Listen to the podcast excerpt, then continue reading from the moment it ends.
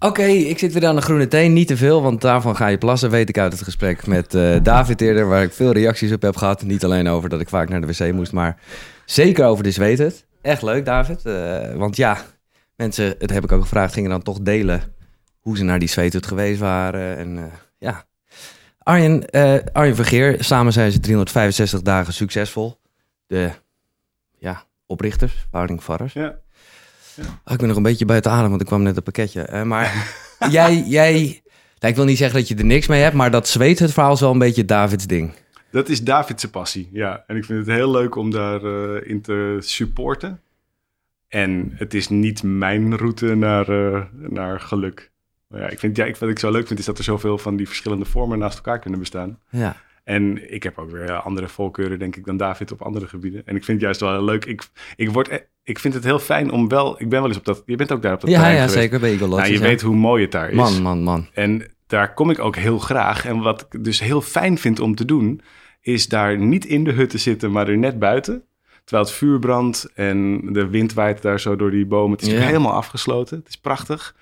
En de zwanen liggen op het water. En dan hoor je in die hut, je hoort het vuur zo knisperen. En dan hoor je in de hut hoor je mensen zingen. Ja. Of soms is het even een tijdje stil.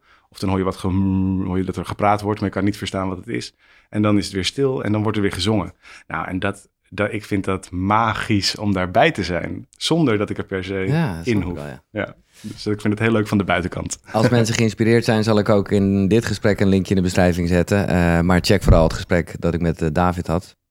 Want dat gaat echt specifiek over de zweethut en ook wel natuurlijk jij al eh, als mens. Ehm, ja, en nu zal ik Arjen ietsjes meer uitlichten. Maar ga- gaan we het ook vooral hebben over 365 dagen succesvol.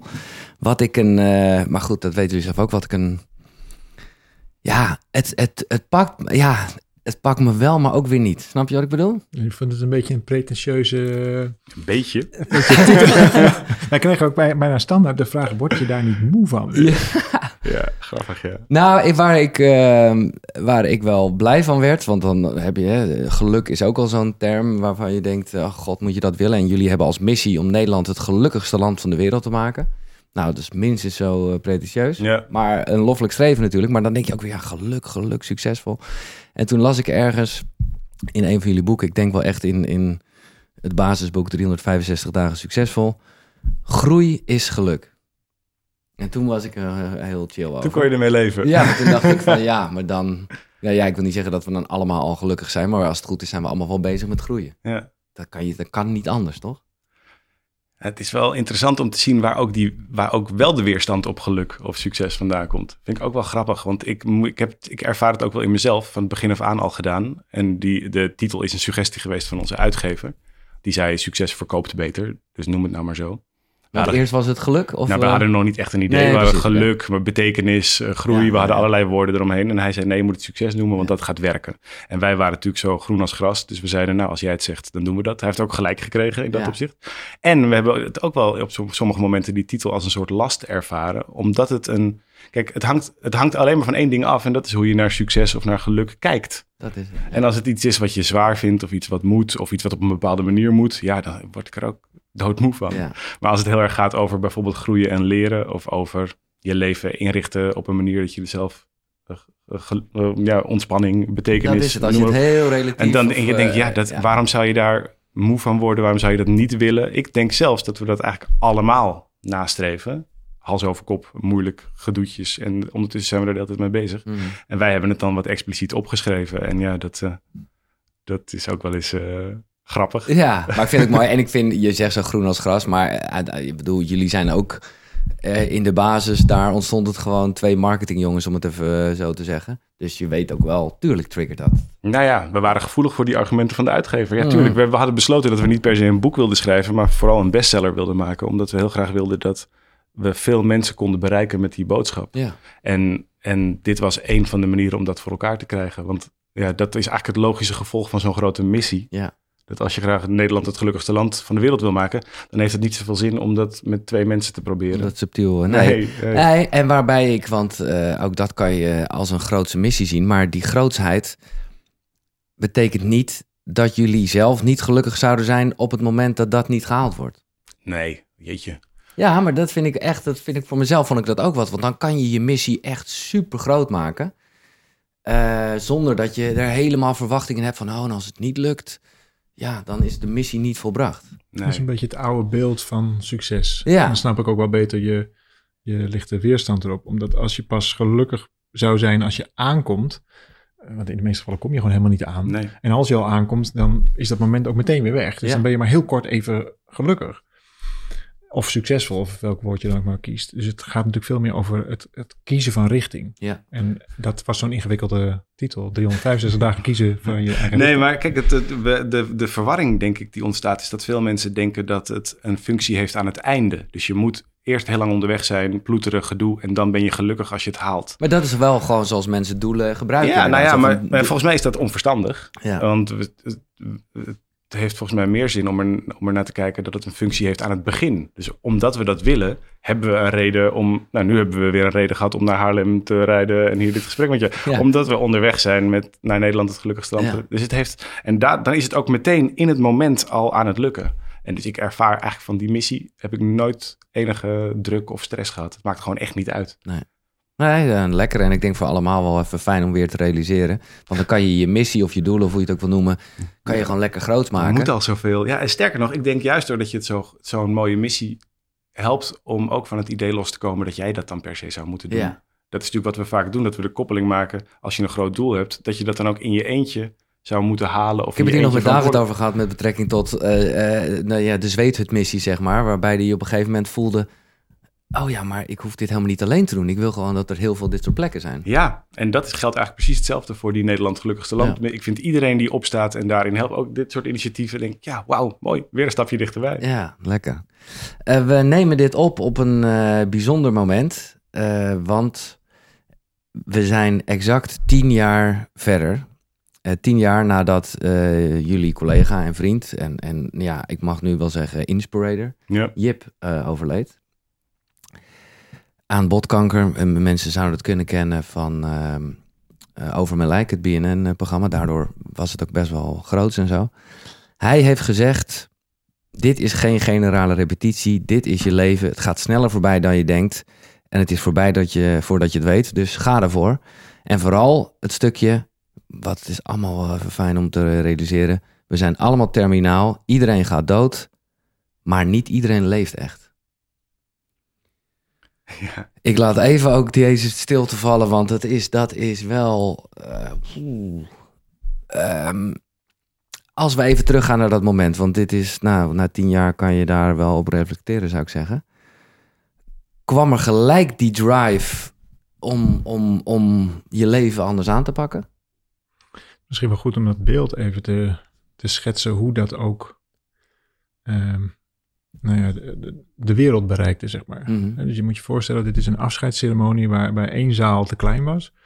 En Door dat programma ook. door en, dat- nou, nee, was nee, niet dat- toen, toen werd het nog wel opgenomen, Oh, maar nog niet uitgezonden. Nee, hij, hij was al echt wel flink eh, aan bomen aan het schudden. En, en ja, er kwamen ook allerlei projecten ons daar nog ter oren, terwijl hij dus al overleden was, van mensen die kwamen spreken, waarvan we niet eens wisten dat hij dat ook nog aan het opzetten was Nee, geweest. dus ja. het was echt waanzinnig. allemaal, even voor mijn beeld helemaal. eh, eh, dit, eh, als, je het hebt over die projecten, die is hij gestart op het moment dat hij ziek werd. Ja. Ja, dat is eigenlijk het moment, ja. hij hoorde dat hij ziek werd. En dat was voor hem de call van, oké, nou, blijkbaar raakt mijn tijd op. En eh, in de tijd die, die me nog rest, en hij had helemaal niet zo heel veel tijd, netto tijd, achteraf bleek. Alleen zijn, zijn, uitdrukkelijke wens ook naar doktoren was, vertel me niet hoe lang ik nog heb. Want straks ga ik het geloven. Ja. En hij bleek dus nog jaren langer geleefd te hebben dan dat eigenlijk zijn houdbaarheidsdatum was, eh, nou ja, was toebedeeld. Maar goed, we zitten in die, in die, eh, in die zaal en eh, nou, er waren dus twee zalen naast elkaar, allemaal stoeltjes. En BNN was daar aan het filmen en er kwamen sprekers. En hij had aan mij gevraagd of ik zijn laatste woord wilde voorlezen. En daar lees je zo- zo net zo'n beetje zijn belangrijkste zin uit voor. En in plaats van, en dat had ik echt verwacht, ik zei zelfs nog, eh, zakdoeken bij de hand. En ik Mhm. ga proberen eh, dit normaal voor te lezen. En nou ja, hopelijk kunnen jullie dat ook eh, ondertussen beluisteren. Of dat een beetje lukt. Ja. Dat is natuurlijk gewoon een emotioneel samen zijn. Nou, er kwam wel een soort Obama in je naar boven. Nou ja, de- ik doe dat, die, die envelop open. Ik ga daar zo staan. En, en daar, ehm, daar kwam inderdaad... Hij, hij las het zelf voor. Zo Ja. heb ik het ervaren. Ik heb dat gewoon alleen maar... ehm, nou ja, uitgesproken. Maar ja. dat, dat, dat, dat, was inderdaad eh, statig. En, ehm, en in plaats van dat dat brak, eh, dat die zaal brak, dat ik brak, wat ik echt had verwacht. Want ik, ik, ja, ik had niet gedacht dat ik dit überhaupt zou kunnen. Maar goed, jij had het gevraagd, dus doe je dat. En je, je denkt nee als hij het vraagt en ondertussen zeg je ja. Ja. Ik sta daar, ik begin het voor te lezen. En terwijl ik dat zo eh, had, had, of net vlak nadat ik dat had uitgesproken, gaat die zaal in plaats van zakdoeken pakken, gaat staan, juichen, die Ja. ontploft helemaal. Dit is echt zo van, ja, je hebt, je hebt, hè, en hij, hij zei als zijn laatste woorden waren, sterf niet met me mee, maar doe er iets mee, anders was het alsnog voor niks. Hè, dus rouw niet om mij, maar doe iets met het besef dat ook jouw tijd, hè, we zijn allemaal terminaal, terminaal ook jouw tijd opraakt. Maar ook als je het nu weer zegt, dan voel ik inderdaad Ja, toch? Ja, en dat, dat Iedereen voelde zich aangesproken in Maar die echt. zaal. Het was echt magic. Ik zal het nooit vergeten. Ik weet nog precies wie er naast me zaten, wie Ja. er voor me zaten. Het was echt, het is tien jaar geleden, maar het is zo wonderbaarlijk wat er toen... We werden allemaal opgetild, zo met elkaar. En ik zie nog steeds veel van zijn eh, closest friends. We zijn eigenlijk Mhm. best wel een hechte groep geworden die elkaar zo één, twee keer per jaar eh, opzoeken. Op zijn sterfdag en op zijn geboortedag. En als je dan ziet dat van al die mensen, en ongetwijfeld veel meer, maar dat zijn de mensen die ik dan zie, die hebben ook allemaal iets met die boodschap gedaan. Dus die zijn allemaal op hun eigen manier echt iets van hun leven gaan maken. Dus het is echt een soort, ja, het is bijna een soort sta op en loop. Ja. Maar ik vond dat echt heel, heel krachtig. Ja. En het was diezelfde avond dat Arjan tegen mij zei van... joh, maar dan is dit onze call. Dit is... Hè, we, we kunnen er wel een leuk baantje, leuk, leuke dingen... we doen het best aardig, maar... als we ervoor gaan, dan moeten we er ook echt voor gaan. Want tijd is je meest kostbare bezit, let's go. Dus dat is ja, eigenlijk eh Arjan's schuld. Nee, super mooi. Maar dat, dat betekende wel dat dit al wel aan het borrelen was. Het, het hele 365 dagen succesvol voelt. In ieder geval het idee om mensen te helpen. Of, Ja, ik geloof dat zoiets uh, alleen landt in vruchtbare grond. Ja. Dus, de, dus, uh, dus natuurlijk, natuurlijk in, uh, in die organisatie daarvoor waar wij samen werkten, had ik het geluk gehad om een interne opleiding op te mogen zetten. En dat zou eigenlijk moeten gaan over verkopen en over hoe uh, marketing werkt. Maar uiteindelijk gingen 9 van de 10 trainingen die ik maakte of die ik uh, ontwikkelde met mensen, die gingen over persoonlijk leiderschap of over je eigen keuzes maken. Ja, dus dat zat, dat zat op een gebied waarvan ik zelf al wel voelde dat daar iets in te doen was in mijn leven. En, uh, en Jip heeft dat wakker gekust, of heeft dat, hoe noem je dat, bevrijd? Ja, ik weet het niet. ja, maar die heeft me toestemming gegeven om dat ook echt te gaan doen. En heb je enig idee waar dat dus in de basis vandaan komt, die behoefte om mensen te helpen? Of is dat iets dat we allemaal hebben, maar op een andere manier doen? Hoe zie je dat? Nou, ik geloof wel dat ieder mens op zijn eigen manier be betekenis wil geven in het leven. Dat dat we allemaal, en daar geven we allemaal onze eigen invulling aan, mm -hmm. denk ik, gelukkig maar. Uh, maar dat is volgens mij iets wat we allemaal delen. En juist dit stuk over je eigen leven leiden. Ik, ik ben opgegroeid in een heel liefdevol gezin, waarbij mijn, um, mijn moeder is van zichzelf heel verzorgend. Altijd met, altijd met alle aandacht, liefde, thee met koekjes. Het was er altijd allemaal. Zoveel tijd als we maar van haar wilden. En mijn vader die deed, was op zijn eigen manier heel verantwoordelijk, want die werkte heel erg hard. En die had een het, en daar zat een soort intern conflict in, wat ik later pas ben gaan begrijpen. Maar wat mij, dat mij toen denk ik wel wat voeding heeft gegeven. Want mijn vader was, net als mijn moeder, alle twee heel erg um, stimulerend en motiverend. Leef je eigen leven, doe datgene wat je wilt. En ondertussen zag ik dat mijn vader elke ochtend om half zeven in de trein naar een kantoor ging waar hij liever niet wilde zijn. Waar hij heel vaak heel overspannen ook vandaan kwam. Hij werkte bij de belasting, hè? Ja, werkte bij de Belastingdienst, heeft hij zijn carrière gewerkt, heel veel verschillende dingen gedaan, mooie projecten ook gedaan, denk ik ook veel uh, van betekenis geweest. En ondertussen ook zichzelf uh, weggeduwd. Uh, ja. hij heeft denk ik in totaal, in de tijd dat ik thuis woonde, heeft hij drie keer een jaar thuis gezeten, hartstikke overspannen. Mm. En, en daar zat dus, ik voelde ergens het interne conflict van oké, okay, er is zoiets als zeggen dat je je eigen leven moet leiden, of het ook daadwerkelijk doen. En, wat er, wat, en dat heeft ergens bij mij een soort uh, ja, dat, dat conflict voel ik nog steeds in mezelf, over hoe, hoe dat met elkaar kan schuren. Ja, maar het kan ook rijmen met elkaar, eh, zit ik nu te denken. Want als zijn hogere doel was om zijn gezin uh, een, een, een basis ja. te geven, ja. ja, met gebochelde rug misschien wel. En dat heeft hij geweldig gedaan. Ja, dat bedoel ik ja. te zeggen. Ja. Dus dat, ja. dat kan dan uiteindelijk natuurlijk wel. Nee, helemaal, helemaal met je eens. En tegelijkertijd had dat ook denk ik op zo'n manier gekund dat hij zelf niet zo, nee. niet zo zwaar had gehad. Nee. ik zit te denken, maar hij klinkt misschien nog fout. 365 dagen betekenisvol. Ja. Maar dan uh, voelt het helemaal als een soort ego-ding waarbij iedereen. Het nee, het maakt ook niet uit. Ik weet het niet. Oké, okay, ik, ik, ik had er eigenlijk mee willen beginnen, maar we zijn nog aan het begin, dus ik gooi hem er nu in. En dit kwam een beetje ook met, eh, ik, eh, ik weet even niet meer, soms weet ik niet meer wat wij in de zweethut of hier los van of aan tafel hebben besproken. Maar ik gooi er even in, zelfontwikkeling bestaat niet. Eh, Oké. Vind jij dat? Nou, nee, ik vind dat niet. Maar ik vind het, het, het triggert me wel. Ik zit wel op een punt, door vele gesprekken, door mijn eigen leven, door de liefde, dat ik wel denk, tuurlijk is het heel belangrijk dat je voor jezelf zorgt. En dan hebben we het gewoon over voeding, lichaam, beweging. En, en, en dan is het fijn om kennis te hebben. Maar in die end gaat het natuurlijk alleen maar over eh, ja, verbinding met anderen. Ja. Ik kan er wel in meegaan hoor. Ik, ik, ik, ik denk dat ik dat heb gezegd. Het zou me niks verbazen. Ehm, Nou ja, ook omdat, dat is weer even terug naar de zweethut, het woord ik eigenlijk helemaal niet bestaat in... eh, ja, zo kun je er in ieder geval naar kijken. Dus, eh, door, het te benoemen, eh, door iets te isoleren haal je het uit zijn context. En daarmee ja, bestaat het wel in een fantasiewereld, maar eigenlijk helemaal niet in het echt. Hè, want alles is met elkaar verbonden. Nou, dat is het basisprincipe in de zweethut. Maar als het inderdaad persoonlijk ontwikkelen, dus jij zou jezelf ergens naartoe kunnen ontwikkelen. En dat zou je vanuit die theorie inderdaad nou, kunnen weerleggen. Mm, ja, Maar er ja. zit nog wel iets anders in.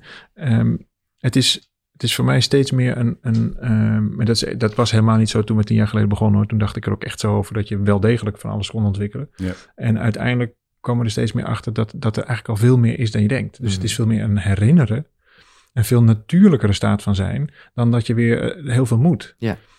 Dus je, Nou ja, dat is natuurlijk letterlijk als je weer even helemaal in de taal gaat ontwikkelen, Ja. is natuurlijk het Ja, afdoen niet- nou ja, van dingen. maar- van, en, hè, maar van- misschien is dat wel meer waar. Ja. Dus het, het, en dat, wat is dan dat thuiskomen? Dat vind ik een veel prettiger woord. Ik denk dat we uiteindelijk veel meer op zoek zijn naar thuiskomen. Dat je jezelf ja, in, een, in een situatie, in een context aantreft waarbij je gewoon kan ontspannen. Waar, wat, wat oké is, wat prettig is. En dan vanuit daar, want als dat het is, ja, dan kunnen we ook allemaal eh, eh, eh, ritueel aan de blowen gaan. Dat kan Ja, ook. Maar, het- en als je vanuit daar dan gaat creëren.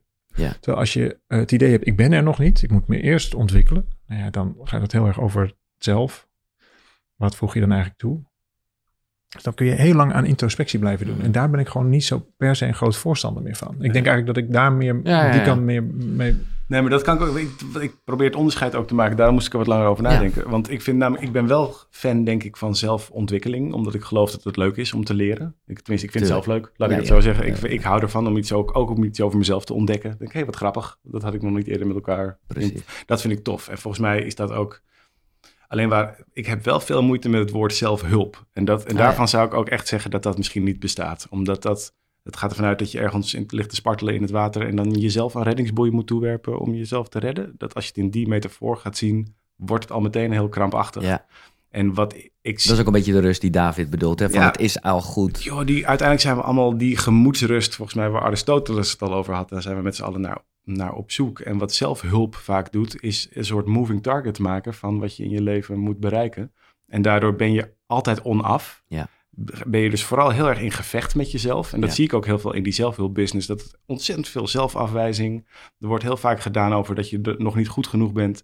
Terwijl op het moment dat je gaat leren dat, er, dat je en niet alleen bent, maar onderdeel bent van een systeem dan gaat je aandacht ook wat minder naar jezelf en wat meer naar buiten. Dat is volgens mij, daar word je een fijner mens van. Mhm, In plaats van zo'n, het kan ook leiden tot ander soort narcistisch, individualistisch eh, eh, ellende. Zie je vaak. En ten tweede is het ook volgens mij veel, ehm, nou, veel logischer om, het, om in eerste instantie te lief te hebben wat er is. In plaats van zomaar nou ja, steeds maar bezig te zijn met wat er nog niet is. Voor je het weet doe je aan permanente zelfafwijzing. Ja, Want dat dan kom je wel aan op dat, op dat punt. Maar ja, jij moest je nou helemaal blijven ontwikkelen. Er is Ja, ja. altijd wel iets te blijven ontwikkelen. Gek van. Ja. Ja, daar word je denk ik Ik denk dat er heel veel zelfhulpstress bestaat. Ja, Ja, Op het moment ja. dat mensen elke keer weer... En hoe dieper je daarin gaat als een soort... eh, een soort in de kuil van eh, Alice in Wonderland... dat je kunt blijven vallen. Nou, het is eh, waarom ik voor mezelf en dus ook eh, in deze podcast vaak blijf herhalen dat het geen zoektocht is, maar een ontdekkingstocht. Wat, een subtiel verschil is. Oh, er zit meer resultaat al in of zo. Je Nou je ja, gaat ervan uit dat het er al is. ja. Ja, exact. Ja. exact. En, en ook niet dat er een soort holy grail is met, oké, nu is het klaar. Nee, je zal Ik het bedoel, nooit de weten. rust. Nee, exact. En eh, als je daar dan... eh, Nee, dus dat is wel een belangrijk, want in zelfhulp lijkt het alsof er iets gefixt moet Ja, worden. En exact. daar heb, dat ben ik dus helemaal 100% mee oneens. Want dat verklaart ons als onaffe wezens en dat zijn we niet, volgens mij. Nee. Dus dat is al. Maar in zelfontwikkeling, daar zit juist van, hé, hey, wat leuk. Ik vind het leuk om dingen Ja, te leren. ik, vind het, ben nieuwsgierig naar mezelf. Of ik, en dat vind ik juist wel eigenlijk wel heel cool. Maar ik, ik voelde zelf in ieder geval, voel zelf in ieder geval, maar dat, ook dat is een onderdeel van de zelfontwikkeling. Dat, hè, eh, ik denk dat mensen wel die piramide van Maslow kennen en zo. Dan is dat het hoogste goed. Hoe zeg je dat? Het, Ja. het, het opperste puntje is dan be- bezig zijn met jezelf. En dat je dan eigenlijk denkt, ja, maar dan wel op een manier waarbij je vooral... eh, eh, maar je wist, je wist, Ja, wist je precies, dat je weet Maslow, één ding nog niet. Die, maar hij heeft oorspronkelijk die vijf fases van hem, die vijf niveaus van die piramide, die zijn heel bekend geworden. Ja. Maar hij heeft al in de jaren 40 of 50 heeft hij al geschreven over, over dat er nog een zesde niveau is. Nee. Zelftranscendentie. En namelijk, het gaat nu wordt het hoogste niveau zelfontplooiing. Hè? Dan heb je alles. Ja. Dan heb je Ja, dat is eten, de- drinken, ja. schuil, die dingen, wifi, heb je alles. en dan heb je als bovenste zelfontplooiing. Maar dat is nooit zijn punt geweest. Zijn punt is, er is één niveau hoger. Namelijk dat we uiteindelijk als mensen onszelf weer willen vergeten. En dat we eigenlijk willen opgaan in het grotere. Toch? Hij heeft Tof, het al lang toch, al dit? bedacht. Dat meen je Maar dan mocht hij waarschijnlijk niet van zijn uitgever, want Ik dat weet zou het niet verkopen. Ik weet het niet. Dezelfde Ik uitgever. weet het niet. Misschien was het heel anti-kerkelijk. Oh, ik, weet niet wat het, ik weet niet waarom, het, Ja. waarom dat zo onderbelicht is. Maar google er maar op. En dan, Ah, eh, dan vind ja. je het. Dat meen je niet. Ja. Dus die hele, oké, wat een, wat een Pyramide houdt niet op. Het En was dat al is bedacht. Echt Ja. een heel Nou ja, belangrijk dan, inzicht. dan Ja. En kijk, en nogmaals, dit laten we niet te veel. Maar omdat, en daar zijn we het allemaal over eens, eh, dat zelfontwikkeling natuurlijk eigenlijk eh, sowieso goed is. Ook omdat als het gaat over, nou ja, eh, hier, ik heb hier opgeschreven twee belangrijke punten in, in een stappenplan waar we het wel even over gaan hebben. Eén vind ik het belangrijk, twee heb ik er invloed op. Hè, dat is natuurlijk altijd een goede, Mhm. bijna een soort stoïcijnse gedachte van... Kan Niet ik, eens bijna. Maar dat Nee, dat is 100% het. Ja, ja. en dan heb je hier eh, wel degelijk dus invloed op, want ja, het gaat over zelfontwikkeling. Ja, en maar nog vooral vind ik het gewoon leuk. Ja. Heel veel mensen die zijn met zelfhulp bezig omdat ze om uit het, het weglopen van pijn of probleem en dan is het echt bittere noodzaak. Mhm. En dat is volgens mij, dan blijft dat ook noodzaak. Ja. Want constant hou je dat probleem omdat je namelijk zelf wa- wat jouw norm is verplaatst mee. Dus het probleem verplaatst ook mee. Ja. Dus blijf je de rest van je leven weglopen van een probleem. Maar denk je niet dat er altijd wel toch zo'n soort urgentie nodig is, eh, of dat nou, hè, dat, dat- is een heel erg projectie vanuit mezelf, een bepaalde... Ja, Ja, breken en nou- doorbreken is hetzelfde punt. Ja, Breken exact, en doorbreken exact. is hetzelfde punt. Alleen Ja. je, je hebt, kunt dus kiezen, eh, als, je, als je dat zou willen, Ja. Of je daar meegaat aan de kant van het slachtoffer, Ja. of dat je meegaat aan de, aan de kant van iemand die opstaat en zegt, oké, wacht even, dit, hier ga ik, hier, dit is een unieke situatie. Hier ga ik eens even kijken wat er nou ja, Ja. te doen is. Hoe kan ik dit leren? Hoe kan ik het anders doen? Maar je hebt toch wel, dat, want ik vind het mooi hoor in het schets, maar ik denk, ja, je hebt toch wel een soort trigger nodig met, is dit het nou een soort, nou ja, ontevredenheid klinkt wat groot. Ja, ja, Er is toch ook genoeg van? Kijk om je heen, er is ja, maar denk, ja, ik denk dus dat dat nu inderdaad zo is. Maar dat dat ook komt omdat we eh, eh, in de maatschappij leven waarbij je pas beter mag worden als je ziek bent. Of zo. Mhm. Dus, Ja, dus je, ja, ja. pas als er aanleiding is, het is ook maatschappelijk een beetje frowned upon, of hoe noem je dat? Er, wordt op neergekeken om, aan, om gewoon vanuit nieuwsgierigheid jezelf te blijven ontwikkelen. Want de eerste vraag is dan, oh je gaat naar een therapeut, wat is er mis dan? Oh je gaat naar een psycholoog, wat is er mis dan? Terwijl, wat nou als dat simpelweg niet... Er hoeft niks mis te zijn om met, met leuke Nee. dingen... Maar goed, ga je je auto wassen als die schoon is? Ehm, Misschien wel hoor, nee, dit was een open vraag. Eh, je Ja, kan, ik- ik... snap wel wat jij zegt, je kan het er ook voor zijn. eh, ja. ja, nee, maar de... Ik zit gewoon even te denken of ik met die metafoor eens ben. Want ben je dan een vieze auto op het moment dat je, dat je een... eh, Nee, snap je? Dus nee, de- ik zit dus- er nu ook dus-. Terwijl ik het zeg, denk ik al van, oh, nu ga ik toch juist in slachtoffer en, en fout. En dat is... En ik denk dat je vooral, om een andere metafoor met een auto te gebruiken, dat je niet een auto helemaal totaal losrijdt. Eh, maar gewoon... En dan pas naar de garage gaat. Ja. Ja, je laat Je hem juist... Ja, Ja, precies. dus ja. maar goed, oké. Ik ga nooit met mijn auto naar de, naar de wasserij, bedenk ik. Nee, ik Dus ook misschien niet. dat daar, dat Ik daar ook het echt- probleem ik ook is. echt Of was dat het? Ja, ik heb dus oorspronkelijk een witte auto. Ah. Dat Nee, dat, Dat heb je al heel lang niet meer gezien, nee. denk ik. Eh, het is dus februari, eh, dat zeg ik omdat ik al zei tien jaar geleden, Jip. Ik weet dat jullie in januari altijd jullie eigen programma beginnen. En ook ehm, ja, zelf jullie eigen, eh, ja, hoe zeg je dat? Jullie eigen stappenplan even doornemen met waar sta je nu als bedrijf. Hoe is het, eh, hoe, je, hoe is het gegaan dit jaar? En, nou ja, het is, we zitten in hele interessante tijden. En wij hebben voor het eerst. eh, we, we hebben wel eens vaker ons eigen stappenplan erbij gepakt. Ja. Voor de fun of it. En omdat het gewoon goed werkt. En omdat het leerzaam is. En om daar eens naar te kijken. Maar we hebben het nog nooit nodig gehad. En toen kwam corona. Ja, Het is toch al twee jaar geleden. En toen ineens. Zeg maar, de kern van wat wij deden werd gewoon verboden. ja ik, ik leg dat even uit voor de mensen die daar niet van op de hoogte zijn. Jullie waren, zijn eh, eh, ja, voornamelijk groots in het organiseren van evenementen die nou ja, life-changing kunnen zijn. Ja, mensen bij elkaar brengen. mensen echt bij elkaar brengen. En dan, nou ja, dat is ook waar we het nu over hebben. Wat ik, me al, wat ik al gelijk lekker vind om met jullie over te praten. Hè. Com- complexe dingen worden gewoon even wat simpel gemaakt. Jullie hebben, nou ja, met, met Jip als een soort extra boost op een gegeven moment een, een, een, toch een doel bedacht van, eh, oké, we gaan naar Heineken Musical. eh Avas Live werd dat. En, en Ziggo werd toen een droom. En bam, het is allemaal gelukt. Mhm. En eh, waarschijnlijk, nou ja, maar dat weet je niet. Het is maar als, als, als. Hadden jullie die Ziggo nog een paar keer gedaan? Nou, de, de, de kans was heel groot geweest. Ja. We hebben, ik weet niet meer hoe vaak we nou in de AVA's hebben gestaan. Een stuk of 30 30 keer of of zo. zo, Ja, ja. of Ja. echt vaak. Ehm, en, en die stond ook gewoon weer geboekt. Ja. dat Ja. was, en toen dachten wij ook, toen, dat, eh, nou, toen tante Corrie langskwam, toen dachten wij... Oh, Dat, stel hem eh, even uit. Ja, We, we, we boeken hem even voor een paar maanden later. dat en kan nog steeds. bedoel, een dat keer. is nog steeds... eh, Zeker, alleen twee jaar later, dan...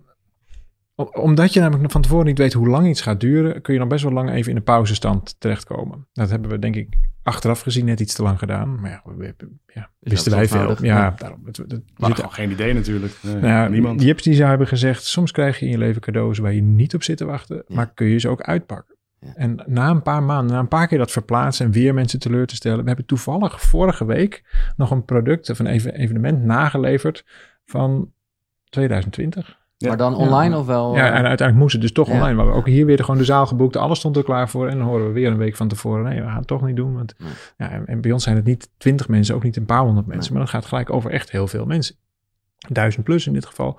Dus alles was, eh, was, daar, was daarvoor geregeld, was klaar om dat te doen. Nou, hebben we uiteindelijk een online variant aangeboden. Ook omdat we zoiets hadden van, ja, we gaan nu niet meer uitstellen. Persoonlijke ontwikkeling is ook niet om, om dan maar de hele tijd voor je uit te schuiven, Nee, omdat dat- er geen zaal te boeken nee, is. Nou, dat hebben we online gedaan en dat werkt eigenlijk verrassend goed. Dus dan zie je ook maar weer dat dat eigenlijk heel goed kan. De resultaten waren zeer zeker Ja. vergelijkbaar met die zalen. Maar goed, wij, wij, wij komen dus uit een, uit een, ja, wij waren gewoon een evenementenbureau eigenlijk.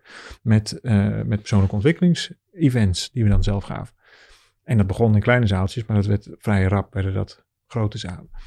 En dan in één keer komt je hele, ehm, ja, je, je hele businessmodel, je hele manier van doen, van zijn, van bedrijf, komt tot stilstand. En toen hebben wij na een paar maanden gewoon eens die, die 13 stappen methode van ons erbij gepakt. En dan ga je jezelf weer opnieuw vragen stellen.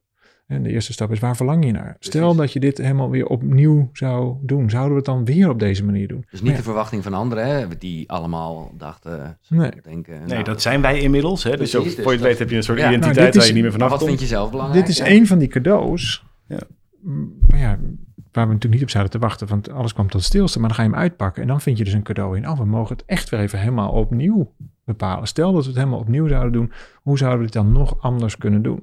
Nou, inmiddels waren we ook een, een paar maanden al aan het oefenen met eh, on- online-achtige gebeurtenissen. Die hartstikke goed werkten. Ja. Er zijn een paar elementen zijn we los gaan organiseren. Dus niet meer in één. We verkochten al bij één kaartje. En dan was het hele jaar was je aan het beurt. Ja. En eh, dat was een prijzig kaartje. En nu konden we een onderdeel eruit lichten. En konden het ineens we konden het goedkoper maken. We konden het met minder mensen eh, konden we het maken. We konden onderdelen daarvan apart uitlichten, wat nog weer goedkoper kon. Dus ja, we hebben gigantisch veel cadeaus Ja. uit, uit die hele ja, best wel heftige omslag weten te vissen. En voor het eerst ook echt vanaf nul weer onze eigen 13 stappen moeten toepassen. In noodzaak kregen we een cadeau in ieder geval. Ja, dat is stap twee. Maar het is wel mooi om weer opnieuw te voelen van... Kijk, voor je het weet wordt een vorm ook een, een, bijna een persoonlijk dogma. Van, oh ja, wij zijn die gasten van die grote zalen. En dat is natuurlijk leuk, want ik, ik heb daar ongelooflijk van genoten. En ik hoop eerlijk gezegd dat het nog een paar keer kan gaan gebeuren. Mhm. En ik zou het ook zonde vinden als dat het enige stuk is wat we kunnen doen. Want het is ook wel een vorm met heel veel beperkingen. Heel veel mensen zijn hartstikke overprikkeld als ze in zo'n Ja. grote zaal zitten. Of er zijn mensen die het vervelend vinden dat ze naar Amsterdam moeten rijden of Nou, parkeren. het is grappig dat je dit zegt, want ik weet, ik ben zelf denk ik, ja, aan de ene kant de kracht van, van energie samen. Ik ken natuurlijk ook heel van muziek en zo. Het ja, is magic. fantastisch. Ja.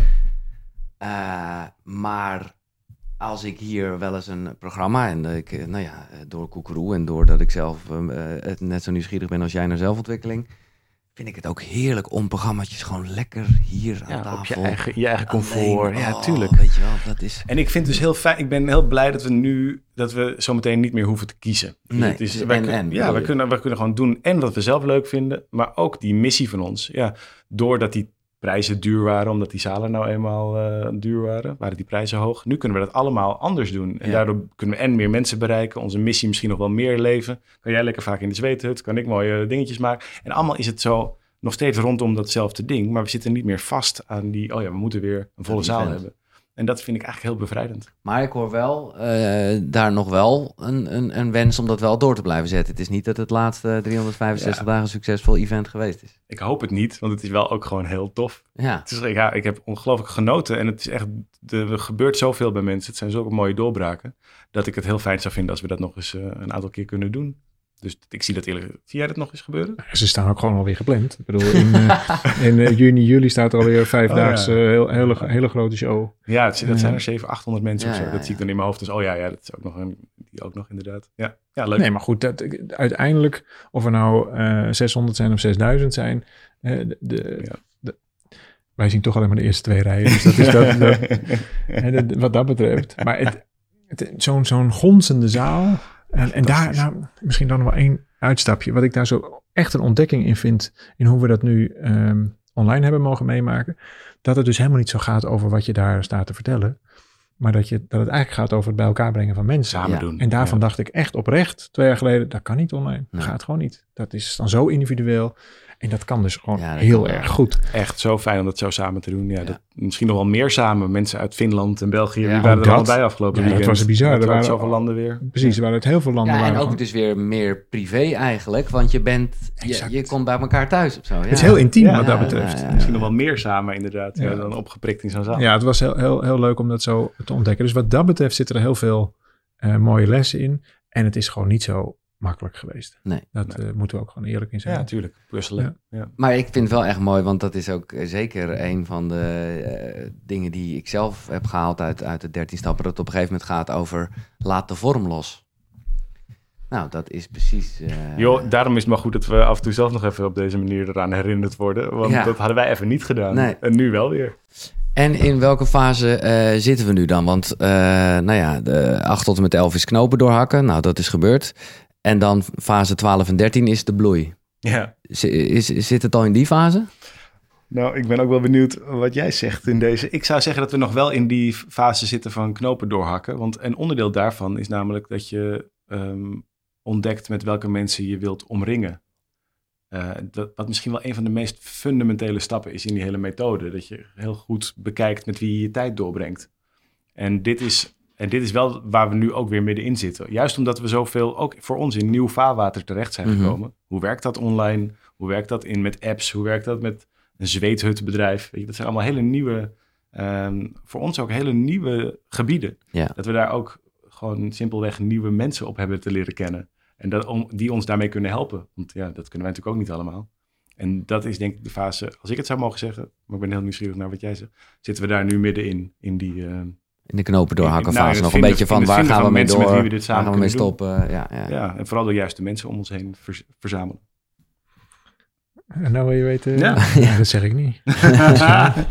Nee, ik zou zeggen eh, één fase verder in eh, doorzetten. Ja. Dus de, de, en dat is ook meteen de moeilijkste fase, denk ik. Voor veel mensen, ook voor ons. Ja. Ehm, omdat je wel al gezaaid hebt. Eh, en dan, ja, gras gaat niet harder groeien als je eraan trekt. Dus je, je hebt op een gegeven moment ook een, een zekere mate van geduld te hebben om iets te laten, te laten lukken. Ja.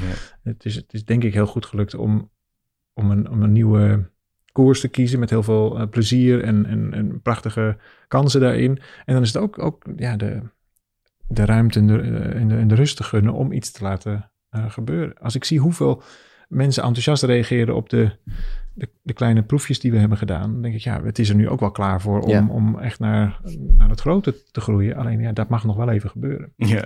En is er inhoudelijk gezien ook, nou, eh, waarschijnlijk niet iets fundamenteels, maar toch iets veranderd met de gasten van tien jaar geleden, die, eh, nou ja, wel heel erg vanuit eh, toch een beetje die marketingachtergrond en gewoon, ja, gewoon omdat je tien jaar ouder bent en omdat de wereld veranderd is. Zijn er, zijn er dingen anders in jullie, ja, in jullie aanpak, in jullie... eh, Nou, wat, ik zie jou lachen, David. Wat is dit? eh? Ik ben heel benieuwd wat Ja, Arjan gaat nou, ik, ik, vind zelf dat er heel veel veranderd is, maar, ik vind het, maar ondertussen is er ook heel veel gelijk gebleven. Ik zit Ja. even te zoeken naar wat daar dan de...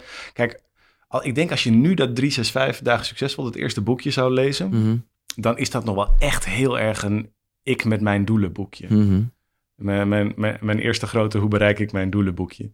En, eh, en daar is het denk ik super functioneel voor. En tegelijkertijd is het ook een boek wat in...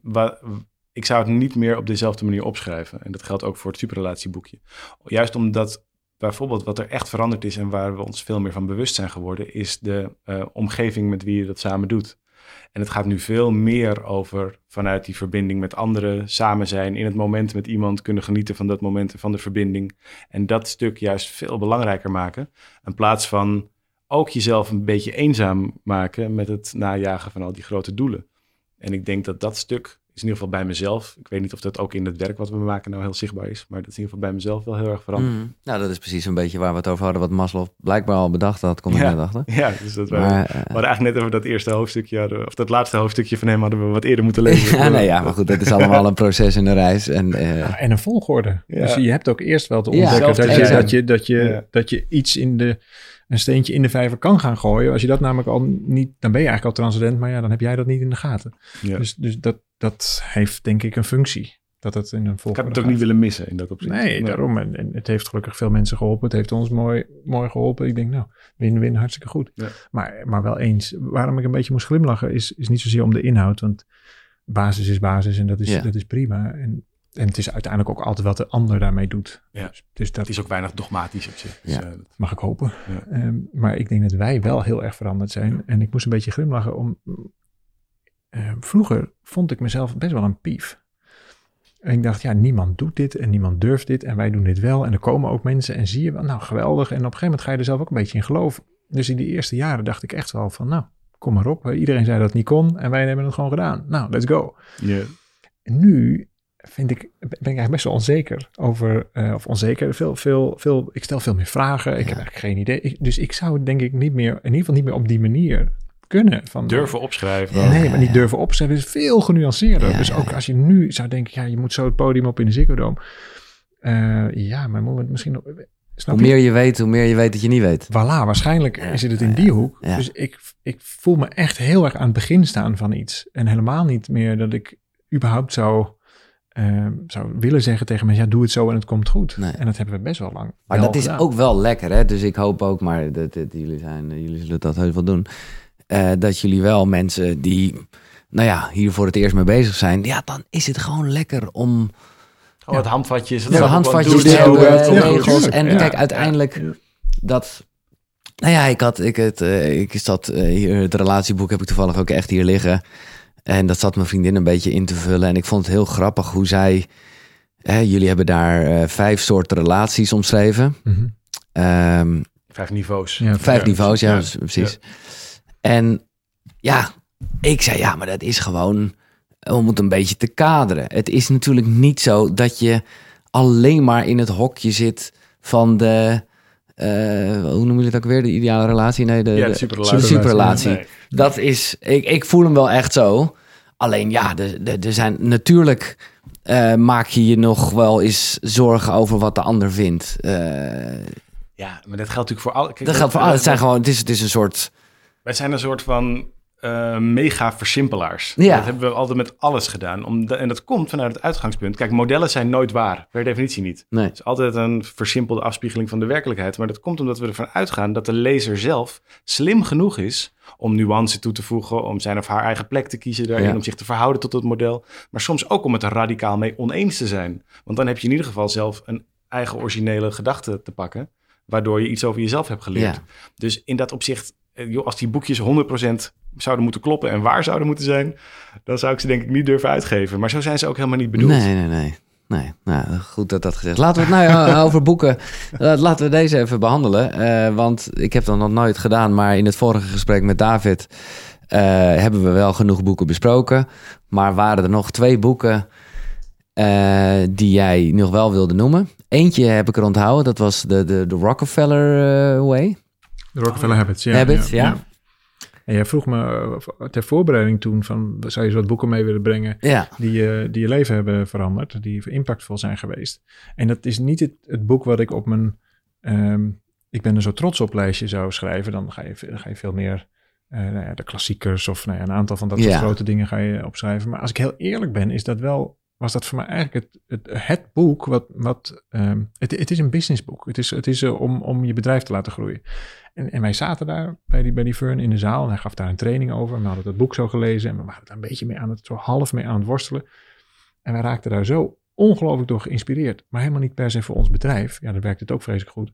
Maar vooral voor onszelf. En was dit de tijd dat het nog uh, Peppermind heet het geloof Ja, was, wij, wij, ja wij, precies. dit. Toen waren wij net begonnen oh, als... Ja, uh, overlijden, ja. Ja, ja hoor, toen, toen, dat was 2008 denk ik. Zoiets, in die, okay. 7, 8. Hij gaf daar gewoon een workshop over. En, en wij zaten daar met een paar andere ondernemers. En, en, en kan je er iets uitlichten? Een beetje het essentiële van, van die. Uh, nou ja, het, lijkt, het lijkt verrassend veel op. Uh, waar we het net over hadden, doelen stellen, uh, kleine stapjes maken, te, simpel maken.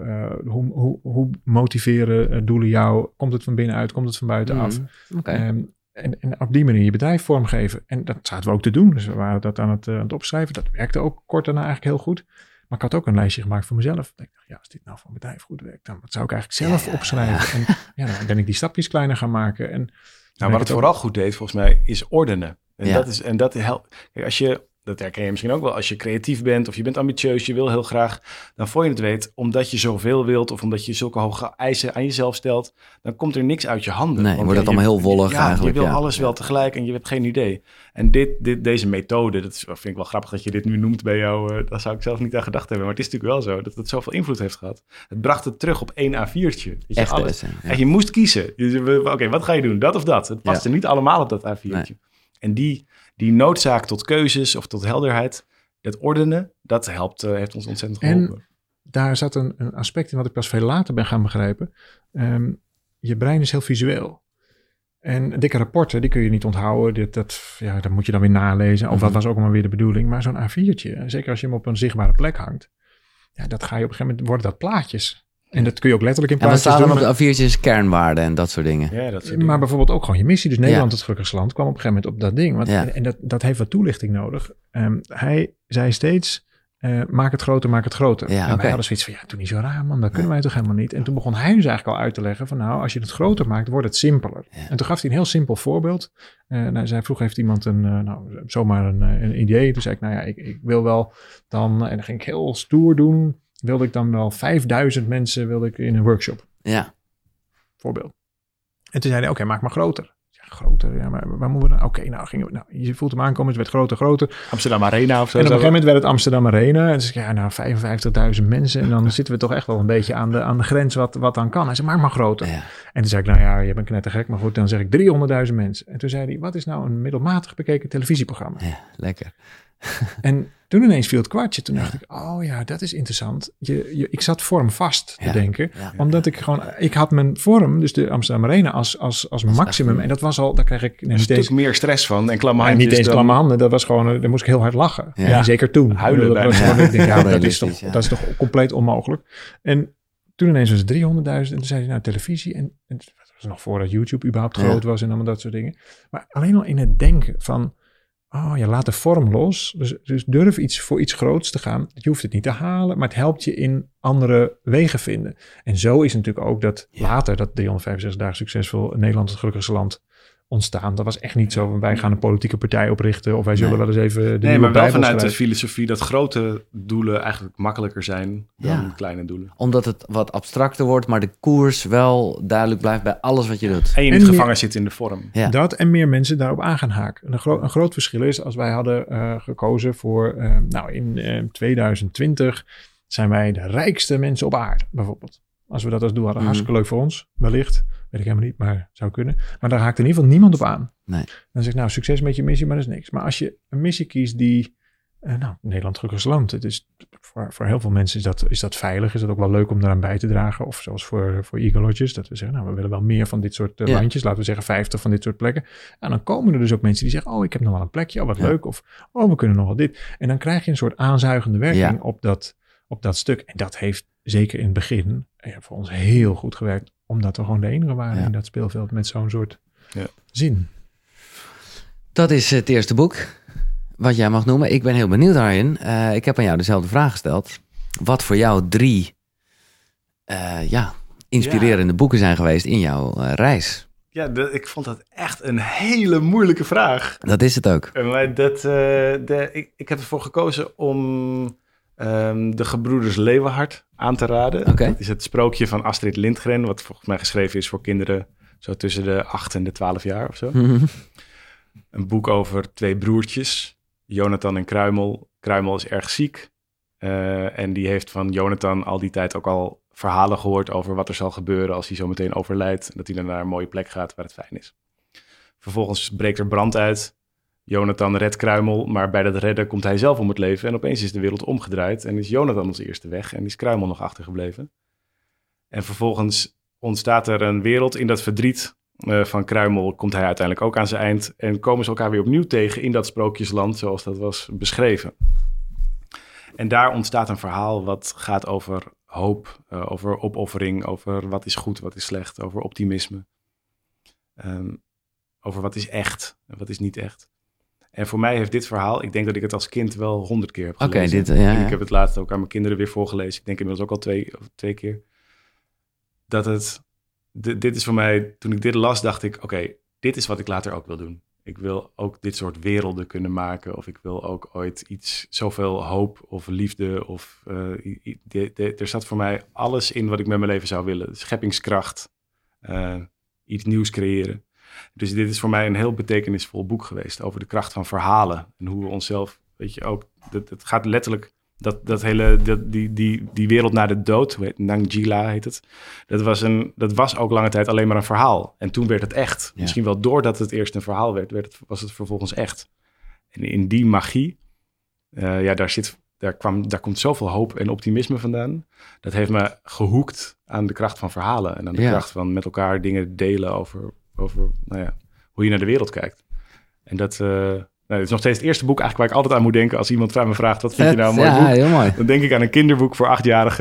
ja, ik heb het ook echt geforst op mijn dochter toen ze eenmaal zelf kon lezen. Dit moet je, ik had het al twee keer voorgelezen, je moet het nu zelf lezen. dus dat, ik denk dat zij er het inmiddels een stom boek vindt. Maar ik eh, ben er nog steeds verliefd op. en eh, los van het feit dat je nou, die die ambitie om verhalen te vertellen en te inspireren, nou ja, eh, daar ben je, hè, zijn jullie allemaal bezig. Dus dat, Ja. Maar eh, is er ook echt de behoefte om echt daadwerkelijk zo'n kinderboek eh, te schrijven? Oh, dat zou ik nog wel heel graag willen. En ik heb nog de belemmerende overtuiging dat ik daar nu nog niet goed genoeg voor ben. Dus ik hoop dat ik dat, dat is een van de oefeningen die ik in mijn eigen leven doe. Om Ja. dat een beetje. eh, om- En hoe doe je dat dan? Want ik vind het grappig hoe jij heel gedecideerd zegt als een belemmerende overtuiging. Wat ik echt goed vind. Maar dat je ook denkt, ja, maar hoe ga je hier, eh, hoe ga je er vanaf? Nou, mijn enige manier altijd om van belemmerende overtuigingen af te komen is door het eerst te doen. Ja, En ehm, nu, nou, dus het komend jaar toevallig, het komend jaar heb ik wat meer tijd georganiseerd in mijn eigen leven. Mhm. Om onder andere hiermee bezig te kunnen zijn. ja. En dan hoop ik dat er een moment komt dat ik iets eh, wat ik goed genoeg vind. Ik moet zeggen, ik vind eh, een van jullie eh, mooiste boeken eh, misschien wel Glimlach van een kind. En ik heb, ik heb geen kinderen. Ik heb wel de ambitie, zeg je dat zo? Of nou ja, whatever. Verlangen. Verlangen, ja, maar dat klinkt weer zo desperate, maar eh, ja, oké. Maar dat is ook omdat ik, ja, het is gewoon zo lekker om het allemaal zo, eh, ja, nou ja, zo kinderachtig te lezen of zo. En sowieso vond ik het heel mooi dat jullie echte klassiekers zoals hè, de vijf talen van liefde, dat, dat kan je in je opvoeding ook gebruiken. De, de, de vier vragen van Byron Katie, allemaal classics, allemaal ook voor kinderen. Ehm, en, maar dat is een opdracht, ja, ik denk dat die eh, in, ja, in een audiopodcast kan die bijna niet. Maar de opdracht van je kunt meer dan je denkt. Nou, ik weet niet, ik kende hem niet. Maar ik, ik weet niet of jullie nog zelf weten, want het zal Welk hoofdstuk was dit? Want ik weet Ja, dat weet ik niet meer. Het, het komt erop neer dat je een soort eh, oefening doet... waarbij je in eerste instantie denkt dat je helemaal niet zo ver kan. Mhm. En op het moment dat je Ah, een beetje ja, iets zeker. gaat ja, ja, visualiseren... Dan blijkt gewoon dat je veel meer kan. ja, ja de- en, maar dit is precies een voorbeeld van zo'n verhaal. Hè? We hebben dus, we, en wij zijn, we zijn verhalende wezens, zo zitten we in elkaar. We denken in verhalen met een hoofdrolspeler, met een tegenstander, Mhm. met een voor en na, met, een met eh, oorzakelijkheid. Ja. Allemaal, allemaal verhaalconstructies. En zo denken we ook over onszelf en over wat we kunnen. En dus is een heel groot gedeelte van de dingen die we niet kunnen ook beïnvloed doordat we denken dat we het Door niet de kunnen. overtuiging, ja. Ja, en, en, dat, en dat, is, ja, dat is echt een bevrijdende. eh, een be- voor mijzelf werkt dat als een bevrijdende gedachte. En het helpt me ook om me heel makkelijk te betrappen op die verhaal. Ik heb zo'n verhaal over mezelf, over dat ik geen goed kinderboek zou Ja. kunnen schrijven. En dat weet ik ook. En ja, daar ben ik niet in van de een op de andere dag vanaf. Nee, nee, maar ik heb wel een uitnodiging bij mezelf om dat boek te gaan schrijven. Nou, en wat ik niet ken, nog één ding uit het boek, ja, ik heb het echt met veel plezier gelezen, is dat, eh, en dat ging dan heel erg over de kracht van het nu, vertaal ik eventjes zelf, het, eh, het moment nu. En dat er eh, blijkbaar eens een keer een leraar was. Ik vond het zo vet, maar dat is ook weer een verhaal. Die eh, een, eh, ja, dan moesten mensen of kinderen dus een opstel schrijven over een eh, zwarte stip die op dat blad stond. Ja, die kregen één wit A4'tje met alleen maar één zwart vlekje. Zo'n inktvlekje, plop, in het midden. That's it. Schrijf maar. Ja. Ja. Nee, vertel, vertel jij maar af. Dat is jouw... Dus eh, daar zit een klas die, en die docent heeft die blaadjes uitgedeeld. Alle kinderen zitten voor, met zo'n blaadje voor hun neus. En de, de leraar kiest ervoor om geen enkele toelichting te geven, maar alleen maar te zeggen: Wat ik graag wil dat je doet, is een opstel te schrijven over het blaadje wat nu voor je neus ligt. En de kinderen gaan dat doen. En hij ontvangt die opstellen. En stuk voor stuk, alle kinderen hebben een opstel geschreven over dat zwarte vlekje. Over die vlek op dat vel papier. En geen één van de kinderen is op het idee gekomen om iets te schrijven over alles wat niet vlek is. Over Het mooie, blanco, stuk geweldige stuk papier wat gewoon 98% van die bladzijde is. En dit is volgens mij ook hoe we vaak naar ons leven kijken. Dat is ook mijn weerstand op zelfhulp. Ja. Dat het zo gericht is op dat ene vlekje. Terwijl het kan ook zelfontwikkeling kan ook juist heel erg gaan over de rest van het papier. En dat is, dit- deze heb ik letterlijk met mijn eigen kinderen gedaan. Die trapten er ook allemaal in, om het zo maar te noemen. Ja, Het ging allemaal over dat vlekje. En dit was voor hun ook heel helpend om Ja. er zo naar te kijken. ja. Oh, sorry, ik onderbreek eventjes eh, dit fijne gesprek. Maar dat is vanwege iets dat met boeken te maken heeft. En ja, ik hou van boeken. Ik hou van verhalen. Van lezen, maar ook van luisteren. Vooral als je onderweg bent of gewoon, eh pff, nou ja, weet ik veel wat aan het doen bent. En ik heb nu iets stof met de vrienden van Next Story. Daar vind je echt op die site, jongen, 300.000 boeken. Dus ook zeker de boeken die net besproken zijn. En ik mag je nu, en dat is echt wel een toffe actie, 50 dagen gratis aanbieden. Ja, die gasten die geloven gewoon wel eh, in zichzelf. Dus die denken, oké, dan hebben we ze. Maar dat kan je echt even checken. Eh, ga naar koekeroe.nl slash boekenkast. Daar vind je sowieso alle boeken die besproken zijn eh, nou in de afgelopen afleveringen. En daar vind je dus ook een link. En via die link kan je 50 dagen gratis Nextory gebruiken. Check het, koekeroe.nl slash boekenkast. Nee, ik vind het wel heel inspirerend. Omdat het ook, ja, eh, dit is, het zijn allemaal van die eh, weer andere simpel, verhalen. Het is zo simpel. En het is ook een beetje dat omdenken. Of een vis die niet weet wat water is. Ja, ja, ja. En zo, weet je wel. Het is, het is er allemaal. Ja, ik vond het heel, eh, heel mooi. Eh, heb jij nog een ander boek, David? Want ik kan me herinneren dat jij er nog twee had, of niet? Nee, die hebben we allemaal, Die hebben ze al- allemaal al- al besproken. gedaan, ja. ik, ik kan er rustig nog een paar Nee, herinneren nee, nee, nee, nee. eh, nee, nou ja, laat ik dan zeker nog eventjes eh, Oneindige Liefde noemen. Maar dat is gewoon meer omdat dat een boek van jouw vrouw is. En we hebben het daar vorige keer wel kort over gehad. Ik wil straks zeker nog eventjes naar de liefde gaan, want daar doen jullie ook veel mee. Maar De liefde. ja, altijd lekker toch? Ja. Maar laten we eerst even jouw boeken dan afmaken, Arjen. Eh, welke twee andere? Eh, een tweede boek wat ik heb meegenomen is ehm, een boek van Stephen Covey. Die is natuurlijk heel bekend geworden van de zeven eigenschappen, Ja. effectief leiderschap. En daar is iedereen hem ook een beetje zo, eh, nou ja, dat, dat is zijn nalatenschap geweest, denk ik. Ja, even kijken of ik ze nog weet. Proactief, van achteren naar voor. De belangrijke dingen, niet de urgente dingen. Eh, Win-win. Eh, ja, een beetje, eh, ja, hoe noem je dat? Empathisch. dat je gewoon... Ja, first understand. Ja, precies. Ja, ja, eerst begrijpen dan begrepen worden. Dan komt de synergie. En dan komt the scherp houden van de Ja. zaag. Ja, ja. Ja, en dat is, ik vond dat echt een geweldig boek hoor. Toen ik leiding gaf, heeft me dat hartstikke heeft dat me heel erg geholpen daarin. En tegelijkertijd, dus een van de boeken geweest, denk ik, die mij verleid heeft tot het gebied van persoonlijke ontwikkeling. Dus de zeven eigenschappen. Maar, met de, maar de werkelijke explosie in mijn hoofd zat bij dat andere boek, bij de achtste eigenschap. Wat helemaal niet zo'n heel bekend boek van hem is. En dat, sommige mensen noemen het ook wel een samenvatting van zijn eerdere werk, maar ik geloof het niet helemaal. Waar de zeven eigenschappen gaat heel erg over hoe. Hè, hoe doe je de dingen? Ja. Gaat over effectiviteit. En dat is maar een stuk van ook zijn verhaal, zijn boodschap. Want het ging bij hem veel meer over, ehm, niet zozeer over effectiviteit, maar vooral over menselijkheid. Ja. En als je ook goed kijkt naar waar die zeven eigenschappen over gaan, dat zijn vooral niet zozeer over zo krijg je dingen gedaan en zo moet je effectief zijn, maar vooral over zo heb je het sa- samen fijn. Ja. Zo zorg je dat je elkaar kunt begrijpen. Zo zorg je dat je samen dezelfde kant op loopt. En wat de achtste eigenschap daaraan toevoegde, en dat vond ik een soort, ik heb dat opgenomen als een soort persoonlijke uitnodiging. Hij zegt de achtste eigenschap is dat je je eigen innerlijke stem vindt en dat je andere mensen helpt met het vinden van hun innerlijke stem. Want dat is wat leiders doen. En, die, en daar zit, voor mij zit daar een wereld aan betekenis achter. Ook bijvoorbeeld, een logische consequentie daarvan is dat je helemaal niet op zoek bent naar dat mensen jouw stem gaan napraten. Want je, bent, je helpt ze namelijk met het vinden van hun eigen stem. Dus je bent helemaal niet op zoek naar volgers, maar je bent op zoek naar mensen die zelf hun leven leiden. Of je bent, eh, en, en dit heeft voor mij heel veel betekenis gehad, ook in hoe ik naar, me, naar mezelf kijk. Het heeft denk ik onze methodiek ook wel beïnvloed. En dat, het is niks mooiers dan zelf elke keer voelen van, oh ja, wat is ook weer mijn eigen innerlijke stem? Ja. Of in hoeverre zit ik nou anderen na te praten? Of ben ik aan, het, aan de verwachtingen aan het voldoen? Heb ik ook nog vaak. Dat ik, dat, dat ik mezelf in een situatie aantref en denk, ja, komt wel... Ik zeg wel dingen, maar dat is niet per se iets van mij. en dan kan ik mezelf erop betrappen. Dan Ja. weet ik dat dat gebeurt. Ja. Maar, maar ook kan ik nu denk ik beter anderen helpen om daarbij bij hun eigen stem te komen.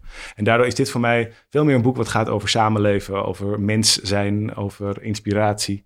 In plaats van over, ehm, nou zo haal je je targets. Nee, zo. precies. Nou ja, dit is wel een soort rode draad in dit gesprek eigenlijk. Want het komt, hè, dan eh, kom je het al snel weer over zelfontwikkeling, maar dat het juist gaat over verbinding, wat ook je eigen ontwikkeling is.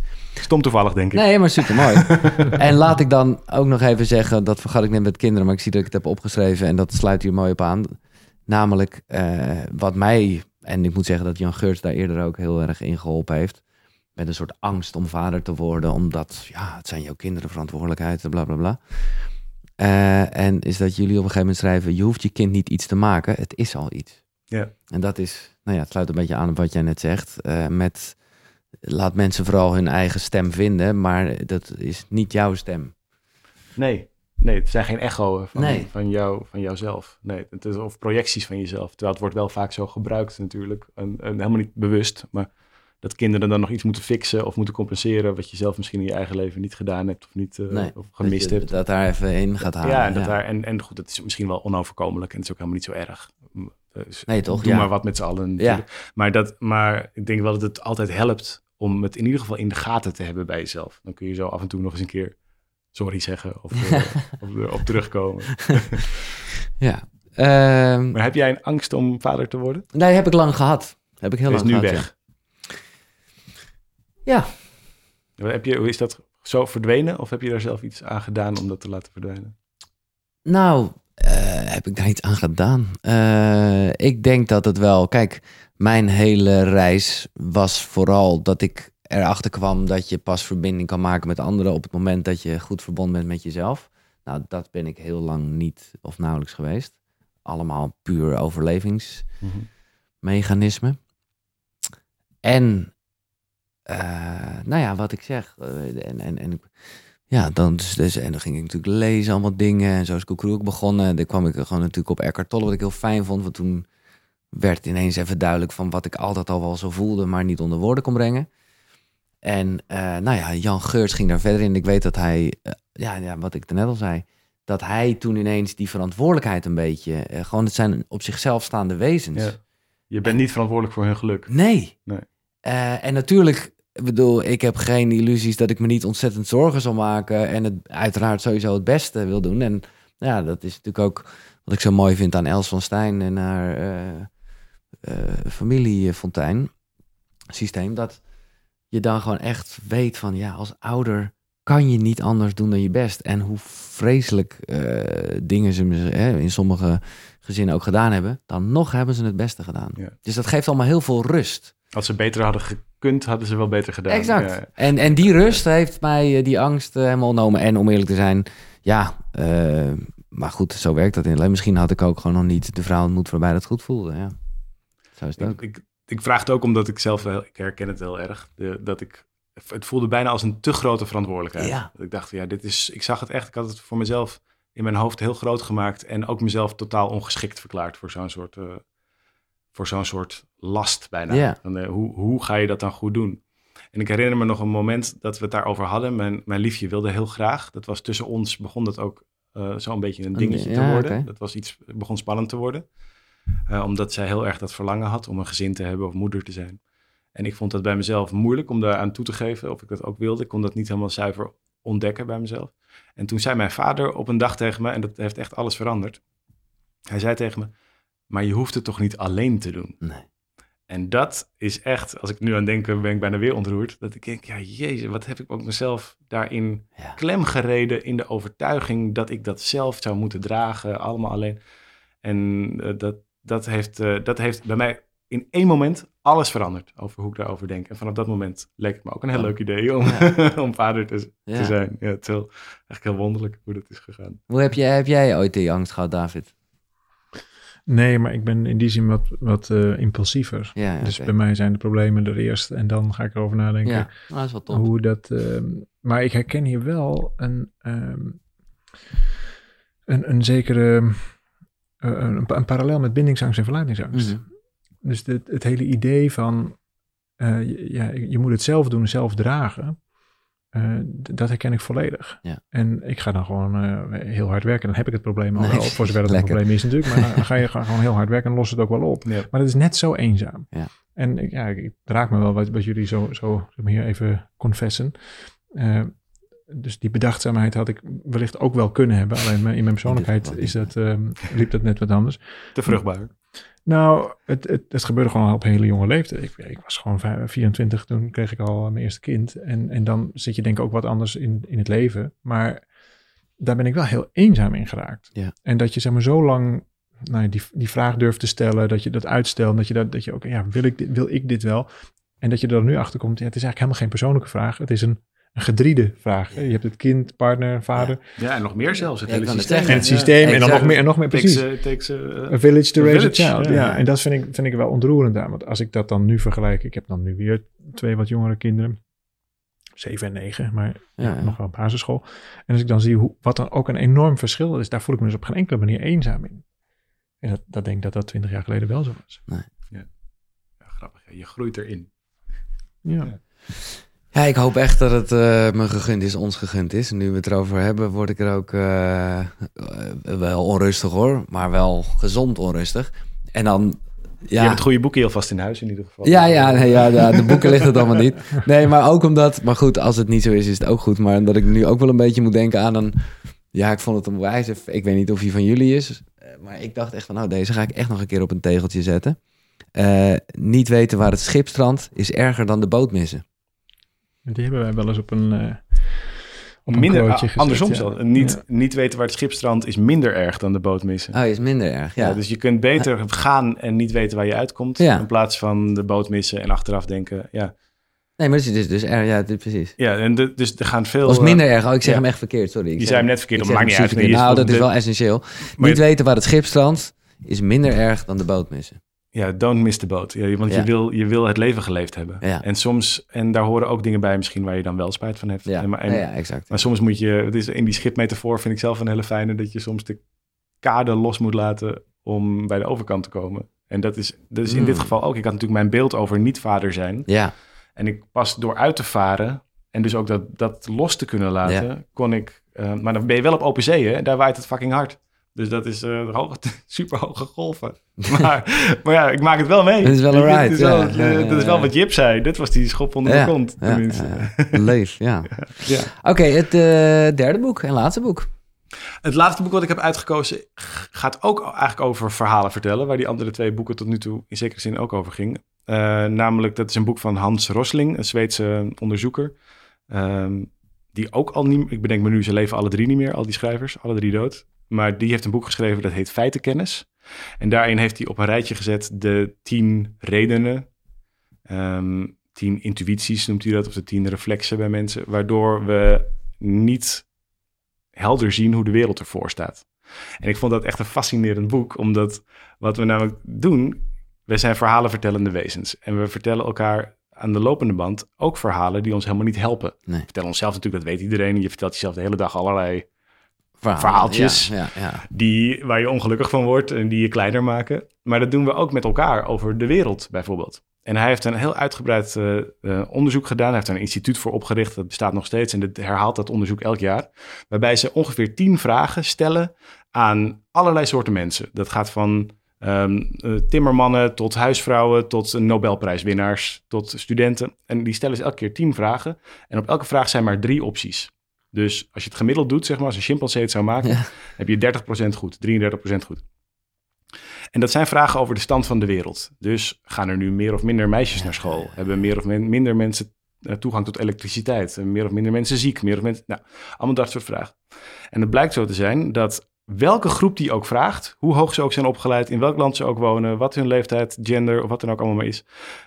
Mensen die geven gemiddeld maar zo'n 10% goede antwoorden. Ja. En dat zijn omdat standaard altijd wordt gekozen voor het negatieve antwoord. Dus gaan er meer of minder meisjes naar school? Ja, minder waarschijnlijk, want het is slecht. Zijn er meer of minder zelfmoorden nu? Ja, meer zelfmoorden, want de me- mensen zijn ongelukkig. Is er meer of minder stress? Ja, meer. En uit al die cijfers blijkt het nooit te kloppen. Want het, tegen, de, het tegendeel is waar. Het gaat veel... Het, we hebben de Er is minder criminaliteit, er is minder emancipatie is criminaliteit, beter. veel, beter, de- emancipa- ja. veel meer gezondheid, Ja. veel hogere levensstandaard. Mooi veel- dat je dit even nog een keer zegt. En ik moet zeggen, en daar ben ik ook een onderdeel van. De media heeft hier natuurlijk een hele sturende rol in. Omdat de uitzonderingen zijn het nieuws. Ja, En, eh, maar dat is een beetje kip-ei natuurlijk. Want Ja. waarom, waarom is de media daar sturend in? Omdat dat verkoopt. Ja. Waarom verkoopt dat? Omdat onze hersenen zo zijn. Ja. Dus ja, de media is... We kunnen Nee, zeggen, dat- dat- dat zijn onze hersenen een gevolg van de media? dat is natuurlijk zo. gelijk. Maar het Nee, is ook andersom. Bedankt. En je kunt ook... Je, kunt ook ja, dus je bent even vrijgeplaatst. Als mannetje van de media mag je even lekker je gang... Nee, maar- maar, maar het helpt volgens mij wel om, te, om ook te kiezen. Je kunt wachten tot de media verandert. Gaan ze niet doen, wordt alleen maar erger. Maar je kunt ook zelf kiezen. Hé, hey, wacht even. In mijn brein weet ik dat ik een natuurlijke neiging heb naar het negatieve. Want dat doen hersenen. Dat ik heb een natuurlijke neiging ja. naar het angstige, naar het negatieve. En dat is niet per se waar. Nee. Het zou heel goed kunnen zijn dat het tegendeel waar is. Nou, en dit is voor mij, dit, elke dag opnieuw herinner ik me daaraan. Als ik dingen zie of als ik conflict of gedoe in de wereld, maar dat kan ook in een familie of in een relatie of, in- of tussen mijn kinderen of bij ons, dat ik denk, wat, wat is hier Ja. aan de hand? Je hersenen zeggen automatisch, die maken het scenario per definitie negatief af. En dit is een van de tien punten in dat feitenkennisverhaal. Dat wij gewoon gaan voor ja, de eh, angst, eh, de, de, Ja, ja, ja. de angst is, dat is zo'n is één zo'n punt. Maar bijvoorbeeld ook dat wij kloof, daar moest ik aan denken, omdat jullie vorige gesprek ook veel over dualiteit ging. En Ja, dacht ik, wij zijn kloofdenkers. Dus er is arm of rijk in de wereld. Terwijl 80% van de mensen op de wereld zit in de middenklasse. medium. Ja, ja. En die wordt, over, die wordt over het hoofd gezien. Ja. En zo is het ook. Ook in het coronadebat gaat het over voor- en tegenstanders. Links, rechts, 80% zit in het midden. En zo zijn er heel veel van dat soort... eh, dat geeft heel veel eh, ontspanning. Dat, Mm. Dat het je leven... weet dat het... eh, ja. Er is helemaal niet zoveel strijd. Weet je nog helemaal- eentje? En Daarna ga ik het boek lezen hoor. Maar ik vind dit echt interessant. Ehm, nou, bijvoorbeeld de... Het, ik ben vergeten hoe die ze allemaal precies noemt. Daar is het te lang geleden voor. Maar wat ik een hele mooie vond, was dat wij gevaar verkeerd inschatten. En dat we dus korte termijn gevaar groter maken in ons hoofd dan het echte gevaar. En daardoor ja. denken we, dus dat, dat komt ook door hoe media daarop inspeelt. We denken bijvoorbeeld dat misdaad een groter gevaar is dan bijvoorbeeld klimaatverandering. Dat is Ja. heel abstract. En Omdat het gewoon omdat dat langzaam... kunnen we zien. Ja, en, dat, ja, En, ja. het, en, en dit, dit weet je echt. Als, je dit, dit, als Ja. ik dit nu tegen jou zeg, denk je ja, dat wist ik ook eigenlijk Ja. wel. Maar kijk maar eens hoe je ondertussen je emoties of je andere dingen laat beïnvloeden door korte termijn nepgevaar in plaats van door lange termijn echt gevaar. Uiteindelijk zijn we ook een soort kikkers in een pan. De hele die, tijd. eh, ja. en hij zegt, wat, en wat hij zegt, en dat vind ik wel een fijne nuance. Hij zegt, er is wel echt gedoe in de wereld en er is echt een heleboel beter te maken. Alleen pas als we gaan zien wat de feiten zijn, kunnen we kiezen wat de echte dingen zijn die we beter willen maken. In plaats van dat we ons gek laten maken over allemaal dingen die er niet aan de hand zijn. En dat is, vind ik, een hele opluchtende, relativerende, fijne manier. Ja, inderdaad, dan kunnen we tenminste onze energie geven aan de dingen die werkelijk verandering nodig hebben. Feitenkennis. Hans Rosseling staat in de boekenkast. Ik zal alle boeken, ook de vorige van David, even op eh, de site zetten. koekeroe.nl slash 365.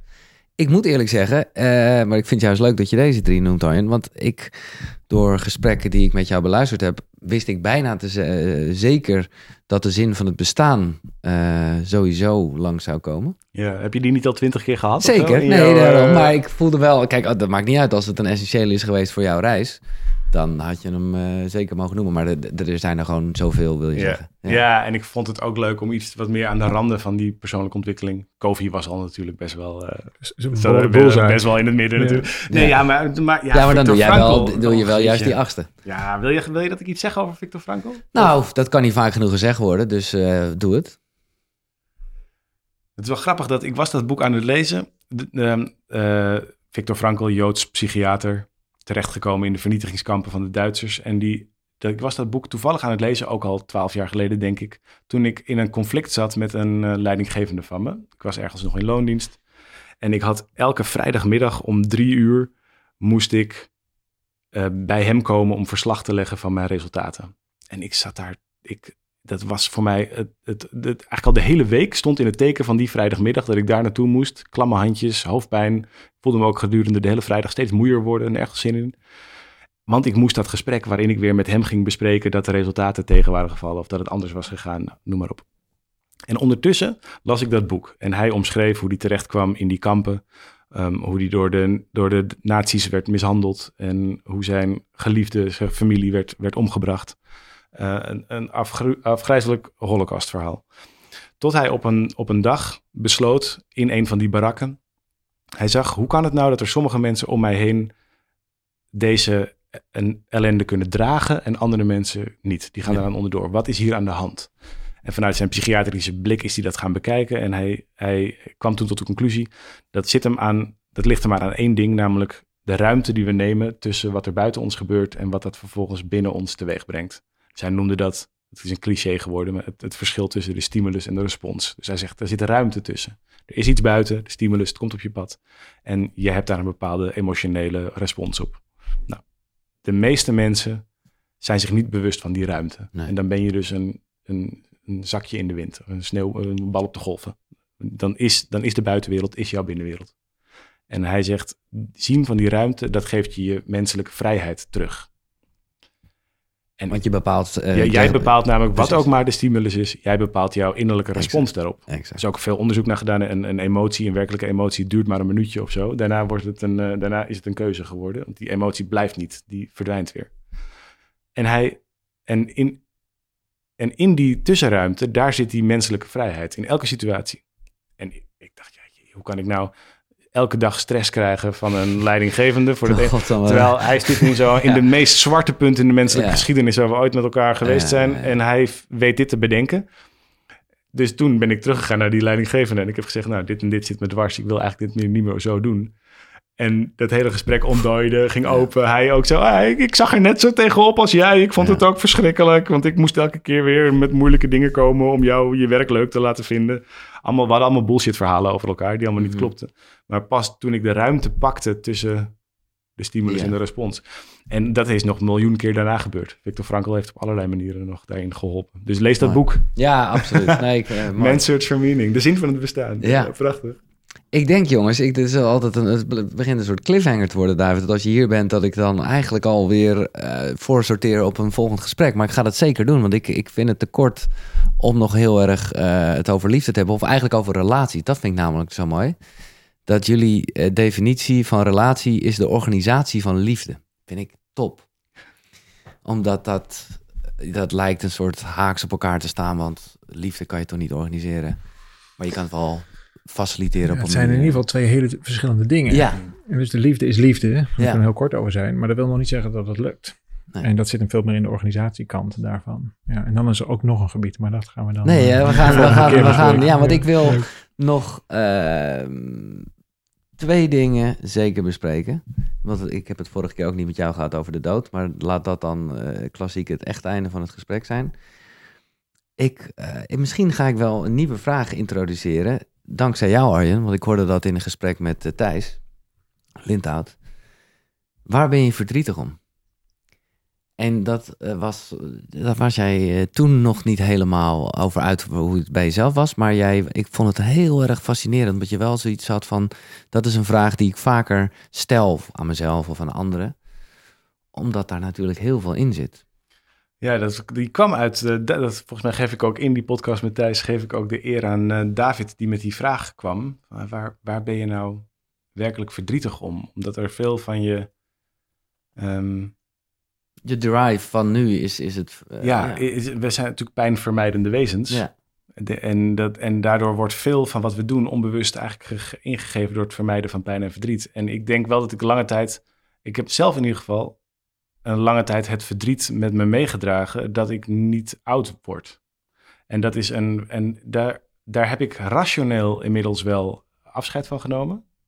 Maar ik denk als ik heel eerlijk ben, dat, uh, dat zo gauw er bij mij stress ontstaat of zo gauw er bij mij um, pijn ontstaat, dat het nog steeds daarmee te maken heeft. Ja, als, uh, vroeg hersenvliesontsteking als kind en, en suikerziekte. Heb je nu nog steeds, want dat heb je altijd. Ja, daar kom je niet meer vanaf. Nee, nee, nee. ja, de, de, en dat, kijk, dat is natuurlijk maar een verhaaltje, want voor hetzelfde geld. Uh, nee, maar goed, dat zit wel in je hoofd. Maar dit is het, de betekenis die ik er zelf aangegeven ja. heb. Ja, ik was, ik was er, ernstig ziek op mijn negende. Toen heb ik een paar weken in het ziekenhuis gelegen en vervolgens kreeg ik diabetes toen ik uh, 12 was. En toen ik bij de arts kwam daar, toen hadden we zo'n gesprek. Het is nog als een soort waas, maar ik kan het best nog wel terug voor me zien. Zo'n klassieke huisartsenkamer met zo'n skelet naast ja, het bureau. Ja, ja. En hij, uh, hij, hij, het was er allemaal. Zo'n darmen aan de muur, weet je wel, zo'n plaatje. En, en, uh, en hij vertelt aan mij, oké, je hebt diabetes. Dat betekent dat je vanaf nu dus jezelf moet gaan injecteren met insuline. En mijn moeder, die was ook natuurlijk ook van in de war. En uh, die stelde wat vragen van, wat betekent dit nog? En ik herinner me echt bijna letterlijk nog hoe die arts mij aankeek en zei: Nou, suikerziekte, daar, daar, daar, kun, je gelukkig, uh, daar, daar kun je gelukkig in Nederland prima mee leven. Niet zoveel aan de hand. Je wordt alleen, nou, 15 jaar minder oud. En dat is toen, moet je je voorstellen, een jongetje van 12 ja. kan dingen toch natuurlijk nog totaal niet in perspectief zien. En ik hoor dat ik uh, drie, vier weken het ziekenhuis in moet, zo net rond de kerstperiode, want het was half december, om te leren spuiten, om mijn eigen bloedsuiker goed te krijgen, dat hele stuk. En ik hoor dat ik 15 jaar eerder dood ga. Ja. En dat is een, een, een, groefje geworden in mijn programmering. Dat zit ergens in mijn hoofd waar ik weet niet, dat, dat heeft heel veel dingen beïnvloed daarna. Ook dan is het ook positief natuurlijk, want ook deze shit is dan weer mest. Heel uh, veel ja. natuurlijk, maar dat is iets wat ik nog steeds met me meedraag. Van, ja. Oh ja, ik heb, ik, het, het, ik, het lukt me niet om het allemaal te leven. Nee. Zo. Dus daar zit, dus daar uh, zit er wel. Okay. Daar zit, en daar zit dus ook haast of, uh, of ook de twijfel om kinderen te krijgen. Had allemaal met al die dingen te maken. Ja, ja, ja, ja. ons ongelooflijk veel mooie dingen beleefd. Misschien zelfs de hele Ziggo Dome ambitie komt daar ook uit voort. En daardoor, dat was misschien ook die grond wat je net vroeg. Van hey, toen Jip dat zo via die afscheidsbrief zei, waar landde dat toen in? Nou, dat landde bij mij heel erg hierin. Oh, ja. Maar waar wacht ik nog op? Ja. En jij, David, waar ben jij verdrietig om? Ik heb natuurlijk nu even de kans gehad om daarover ja. na te denken. Er kwamen wel zo wat, wat uh, verschillende dingen voorbij. Ik heb niet echt één groot ding waar ik verdrietig om ben.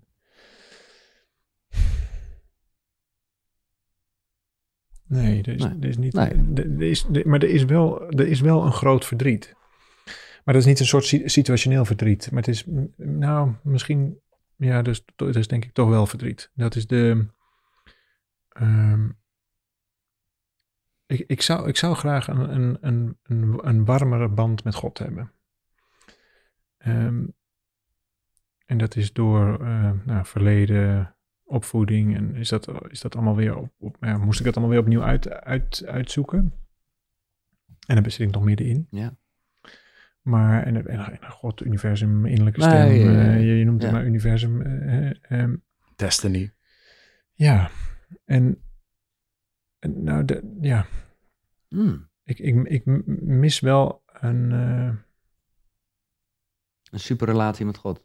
Nou ja, het, het, het, het, ik zei dat geloof ik in de vorige keer. Zei ik de vorige keer ook geloof ik. Dat weet ik, ik weet ook nooit meer precies nee. wat ik nou wat heb gezegd. Maar in ieder geval, ik heb lang gedacht dat ik op zoek was naar mijn vader. En oh, ja, toen zei, zei Patrick, ja. zei, Patrick ja. Kikker, die zei toen op een gegeven moment, is het niet stiekem je vader? De vader. Ja. Uh, de, de vader, sorry. Ik ben, niet op zoek naar je vader, maar naar de vader. En, en daar zit ik nog steeds op de kouwen. Ja. En, en dat heeft heel veel goeds gedaan, want daardoor is het met mijn vader verder helemaal prima dacht, oh ja, die, die man heeft gewoon precies gedaan wat hij moest doen. Dat was ja. helemaal geweldig. Dus die is een soort van gevrijwaard. Maar er kwam een nieuwe vraag achter vandaan. En, en die is wel echt, echt groot. En daar, daar, daar zit een soort, ja, het, het is, is het verdriet, is het weemoed, is het, uh, is het leegte? Ik weet het niet precies, maar... Um, ik, en ik, ik ben daar heel dankbaar op. Ja, ik, ik kan wel zeggen, heel goed. Het is, het is, uh, uh, ik, kan daar, ik vind het een heel inspirerend um, um, ja, gat of leegte. Of, of, Het is ook een beetje zoeken naar wat thuis is, toch? Is dat niet ook voor jou? Dat 100%, je daar, dat, ja. dat dat hele godsbeeld ook een thuisbeeld is. Een plek waar je gewoon helemaal, waar het helemaal nou, wat ik in de is. zweethut, waar, waar ik echt in de zweethut ervaar, hier ben ik thuis. En dan voel ik ook die eenheidservaring. Mhm. Maar zodra ik weer het leven inloop en al helemaal het echte leven inloop, als in eh, Ja. werk en eh, supermarkt en nou het, het gewone gedoe van het gewone leven. Ja. Eh, en daar ervaar ik wel veel leegte omheen. Ja. Maar ik zou wel, maar dan, dan scherm ik heel erg met jullie eigen lessen over de relatie. eh, waarbij les 1 ongeveer is: verwacht niet dat die ander jou gelukkig maakt. Ik hoop ook niet dat dat, dat die. Ik, zo voelt hij niet hoor. Maar dat dat er dan ook nog in zit. Dat je dan toch ergens hoopt dat God jou gelukkig gaat Gered te worden. Ja. Nee, toch? Is dat het? Nou, het is, een- het is een mooi liedje van eh, Maarten van Roosdaal, toch? Dat Ja, die, eh, Red redden me niet. Ja, ja, ja. Een keer gedragen te worden in plaats van... Nou dat ja, te het- ja. Het, het, volgens mij hadden we het hier de vorige keer op de gang over, eh, eh, als ik me goed herinner, Giel. Maar het, het, het, er zit wel, ja, misschien herken je dat ook Ja, wel, maar er zit wel wat. Ik heb best Tuurlijk. wel veel eenzaamheid Tuurlijk. ervaren Nee, en ook maar, wel veel eh, tegenwind. ja. En, en Ik vind het ook helemaal dat je deelt hoor, want het is echt het diepste van de kern eh, van, van ja, ook een soort ben ik nou goed genoeg en wie ben ik? Maar ook En, dat je eh, de, de moed en de dapperheid hebt om wel je hoofd boven het maaiveld Ja. uit te steken. Nou, dat heb jij al eh, m, veel, meer, veel vaker gedaan dan ik. En dan gaat er ook weer de hele wereld daar Ja. dan weer wat van Ja. vinden. En dan, dus mensen zijn de hele tijd maar bezig om daar iets van te vinden. En dan heb je dan ook allemaal maar ongevraagd daar ehm, iets mee te doen. En da- daar, daar komt een zekere, ehm, ja, wel een zekere eenzaamheid Hmm. mee omheen. En ik heb me wel eens afgevraagd, waarom doe ik dat nou toch weer? Ja. Dat, ehm, maar goed, dat is al inmiddels te laat. Waarom zoek ik het niet? Ja. Eh, voordat we. En jij dan? Heb jij, daar, heb jij daar een antwoord op? Ja, die op de vraag. waar ben ik verdrietig op? Nou, ik moet zeggen dat het heel erg bij David aansluit. Een soort. ehm, ja, maar dan leg ik het heel erg bij anderen neer. Maar dat ik. ik, ik ja, ik begrijp soms niet waarom mensen zo doen zoals ze doen. En dan bedoel ik het, eh, natuurlijk heb ik het niet over leuke dingen. Nee. Eh, en dan probeer ik daar wel overheen te, te, te kijken dat dat dan ook maar gewoon een uiting is van een onzekerheid. En in die end, hè, alles is liefde. Mhm. Maar dat vind ik dan zo zonde. En dan, ah, ja, en dan, ja, daar, daar kan ik wel echt verdrietig om zijn. Ook omdat ik er daar zelf dus ook eh, door geraakt word, want verkeerd begrepen. Of dan, dan ja, probeert een ander eh, eh, ja, je, je, je, je klein te maken. Ja. Wat natuurlijk meer zegt over die ander, maar het feit dat ik daar wel door geraakt word, zegt ook genoeg over mij. Ja. Ik, vind het wel een mooie emotie. Ik heb daar wel eh, veel zachter mee naar leren kijken. Mhm. Dus ver- verdriet is iets wat voorkomen moet worden, helpt mij niet, Nee, want het is er. ja. Eh, en daarom vind ik dit wel een, een, een mooi... ehm, nou, je kunt het voelen. Dit gesprek krijgt ook ineens een... een, Ja. Er komt een andere lading in, in meteen. Je kunt dat Mhm. voelen. En ik denk dat je het als luisteraar ook kunt voelen. Ehm, in, die, in die breekbare zoektocht naar wat is dat dan? En dat is volgens mij het cadeau. Dus, voor, dus omarm al die emoties, want ze doen namelijk allemaal mee. Dus Ja. het is een mooie vraag, maar zeker niet bedoeld als het zou er niet mogen zijn. Of, Nee. eh, nee, het is er. En dat is, dat is iets ehm, om, om dan weer te onderzoeken. Dus het, het doet allemaal mee en, en, en verdriet Ja. heeft daar een, een keurig mooi gewaardeerd plekje in. Voordat we het gezellig gaan hebben over de dood, waar ik heel benieuwd ben hoe Ja. jullie daarnaar kijken, eh, wil ik toch eerst even wat concreter naar. eh, we hebben het echt wel gehad over de toekomst van 365 dagen succesvol, maar ook weer niet echt. Wat, ik, ik bedoel, ik luister deze podcast en ik heb misschien vast wel eens een keer een boekje of een event gezien van David de Kok en Arjen Vergeer. Wat kan ik nu doen als ik denk, ja, ik wil, eh, ik wil wel, nou, niet zozeer aan de hand meegenomen worden, want je doet het zelf, maar eh, wat, wat, wat, wat gaan jullie aanbieden? Nou, dan zeg je, ik denk dat het wel degelijk aan de hand wordt genomen. Ja, Dus, op een je, fijne want manier, dat- ja. Nee, maar dat is juist... Je moet wel zelf een- lopen, laat ik het zo zeggen. Ja, nou, ook dat is maar een vraag. Omdat wij, omdat wij heel, heel groot voorstander zijn van het samen doen. En Ja. wat, ik, wat ik steeds meer ben gaan waarderen, echt, dat is echt een ontdekking van dit te doen. Want ja, we hadden gewoon een boekje geschreven. Arjan zei het altijd een beetje, nou, doe het zo en komt dan goed. En dat lukt in heel veel gevallen ook zo. Eh, maar dat maakt je nog niet diep gelukkig. Terwijl het bij elkaar brengen van mensen in die events, dat lukt nu steeds beter ook online. Dat zijn Ja. ook weer groepjes. Mensen ontmoeten elkaar daar. Eh, bijvoorbeeld dat we samen mediteren twee keer per dag. Eh, bijvoorbeeld dat we nou ja, in alle, allerlei diverse programma's die we nu hebben gemaakt, brengen we mensen samen. En dat zijn van hele kleine groepjes naar wat grotere groepen. Maar daar, daar vindt die herkenning plaats. Ja. En Nee, voor- maar goed, dan is het meer hand in hand met z'n allen in plaats van papa die het kindje Nee, da- in die zin is Ja. het... eh, Ja, nee, maar Oké, als je dat bedoelt, dan... dan eh, nou, het, het, Maar hand in hand is, vind ik een hele lekkere gedachte. je gaat een soort van er al in mee. Mhm. Ja. En dus het, het, het idee van mensen bij elkaar brengen is volgens mij één. En dan vervolgens het op een manier aan, aanbieden dat- dat attractief is. Wat, wat eenvoudig te doen is. Eh, in veel gevallen gewoon in een paar minuten per dag. Maar op het moment dat je dat in ritme doet. Dus niet alle, alle theorie in één keer. Maar gewoon stap voor stap dat zo doen. Ja, ik, ik denk dat ons dat best wel goed lukt. Ja, ik geloof heel erg, dat, en dat is denk ik wat we de komende tijd met 365, dat is de stem die we belangrijk willen maken, is dat we, dat de toekomst is echt samen. We hebben het niet meer, het hele idee van het zelf, het, dat, zeg maar, dat, dat, dit is gewoon, dit is, oh, het dat is ook echt oude residu van wij moeten het allemaal maar alleen doen. En, Ja. eh, eh, dit is, al die eenzaamheid, het is helemaal niet nodig. En je kunt elkaar opzoeken. En wat wij, wat we bijvoorbeeld gedaan hebben, is we hebben onze online 365 Academy. Als je naar onze website gaat of naar, misschien naar die van jou ook zo'n Ja, ja. linkje, dan kunnen mensen zich daar kun je gewoon aanmelden. Dat is gratis en dan krijg je daar toegang toe. En dan ben je onderdeel van een community van mensen die graag willen leren. Nou, daarbinnen zijn ook wel dingen die je kunt kopen, lidmaatschappen die je kunt afsluiten allemaal. Maar je kunt daar in eerste instantie ook gewoon bij om door dagelijks er even mee bezig te zijn. En door onderdeel te worden van een groep mensen die met elkaar iets van het leven wil maken. Ja. Wat het ook maar is. En ik denk wel, we hebben nog wel eens vaak zitten evalueren van wat maakte nou de magie in die zalen? Was dat nou echt dat wij daar dat, die stap uitlegden? Of dat we dit grapje maakten? Of dat we deze mooie familieopstelling of die goede meditatie? En het was uiteindelijk vooral het feit dat we mensen bij elkaar Ja. brachten die gewoon like-minded, geïnteresseerd zijn in elkaar, in zichzelf, dingen willen leren. En dit nu in de 365 Academy hebben we ervoor gekozen om dat in eerste instantie zo laagdrempelig te doen dat je, dat je iedereen met een e-mailadres kan zich aansluiten. Dat kun je gewoon doen. Ja. En dan kun je daarbinnen vervolgens kiezen wat je nog meer wil, wat, je, wat er bij je past en wat je fijn vindt om te doen. Maar dat is de plek waar je volgens mij wilt zijn om, ehm, om gewoon dit stuk in je leven en wat er allemaal nog in jou zit, Mhm. samen met andere mensen te ontdekken. En dat is echt, ja, I Nice. love it. I love Ja. it. Ja, daar ben ik heel enthousiast En over. mag ik, ik ben gewoon nieuwsgierig, ik kan ook zelf, maar eh, wat, wat op het moment dat je echt lid wordt van de Academy, wat krijg ik dan? Nou, als je bijvoorbeeld kiest voor om zo'n gratis membership, Ja. om er lid van te worden, dan krijg je onze 13 stappen die we in het boek Ja. hebben opgeschreven. We hebben een hele videoserie omgemaakt, een training erbij, die krijg je daarbij cadeau. Ehm, je krijgt elke dag een stukje inspiratie, iets wat je kunt lezen, iets waar je een stapje in kunt zetten, krijg je daarbij cadeau. Je krijgt toegang tot de hele academy, dus je kunt met al die mensen contact opnemen, daar groepjes mee maken, dingen mee afspreken. Allemaal mensen die, nou ja, in zekere zin een beetje ook zoals jij Ja. zijn. Dus die, die, elk- je ontmoet elkaar daarin, dat krijg je er ook allemaal bij cadeau. Eh, daar word je elke dag aan herinnerd.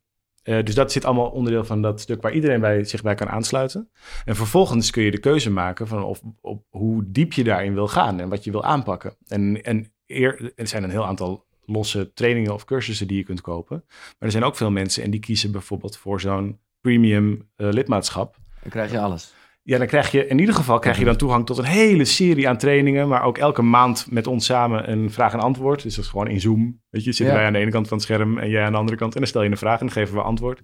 En dat brengt een aantal dingen van de 365 magie. Dat zit hem in dingen samen doen. Ja. Maar dat zit hem ook heel erg in ritme. Dus niet zo doorbraak. Het moet van Nee. de ene op de andere dag allemaal anders. Nee, Eh, gewoon kleine stapjes. maar heel micro-stapjes. Ja, en als je er elke dag ietsje mee doet. eh, en ook dus gewoon elke maand of elke vier weken kom je bij elkaar. En dan kun je je vraag stellen. En dan ben je weer een stapje verder. En anderen zitten ernaar te kijken. En die denken: hey, dat ging eigenlijk ook over mij. Die hebben daar ook wat aan. Eh, dus in dat premium abonnement, dan heb je toegang tot die vraag- en antwoord sessies. Tot dus een hele serie van trainingen die, waar je meteen mee aan de slag kan gaan. Op al die gebieden van relaties, van gezondheid, van werk en geld verdienen. Nou, noem allemaal maar op.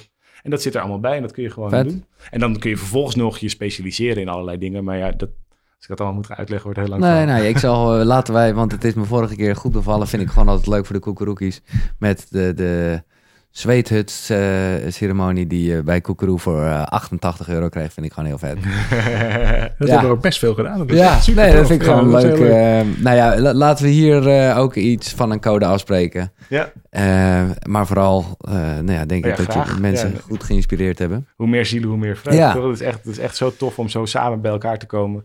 En Nee, ook maar dat niet- samen, die verbinding, dat is toch wel weer, eh, de, dat is waar het hier, eh, dit hele gesprek weer over ging. Lekker jongens. Maar dat moet ook, joh. Nee, we, zitten, we zitten zo in een maatschappij die alleen maar gaat over alles in je eentje doen. Ja. Overal word je zelf op beoordeeld. Je wordt door, door politiek, door schoolsystemen, door belastingssystemen, alles wordt je alleen maar op jezelf teruggeworpen. Mhm. en, en zo zijn wij niet gemaakt. Nee. We zijn geen eenzame dieren. Komt hier nog een boek over?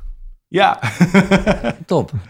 Ja, de kopij is bijna af, hè? Oké. Ja, we zitten nog wat met Ja. de titel te schuiven, maar de doelstelling Ja. is dat die eh, einde van het jaar verkrijgbaar is. Nee, september. Oké. Ja, hij staat in september. Nou, voor die tijd ja. hoop ik dat we in ieder geval de relatieaflevering dan al gemaakt hebben. Morgen Maar... de hele dag weer schrijven. Ja, precies. Maar die gaat dus heel erg over dit eigenlijk. Gewoon het samen in plaats van alleen Ja, zelf. echt het einde van de eenzaamheid. Fantastisch. Het is- einde van de Nou, eenzaamheid. zo heet het wel. Goede titel trouwens. Ja. Zo heet hij niet. Maar, dat is wel, maar we, we, we, we omschrijven vijf fases van verbinding. Waarin je dus leert om jezelf vanuit die verbinding met jezelf en je innerlijke oorsprong te verbinden. Vervolgens met de wereld om je heen en zelfs met het grotere.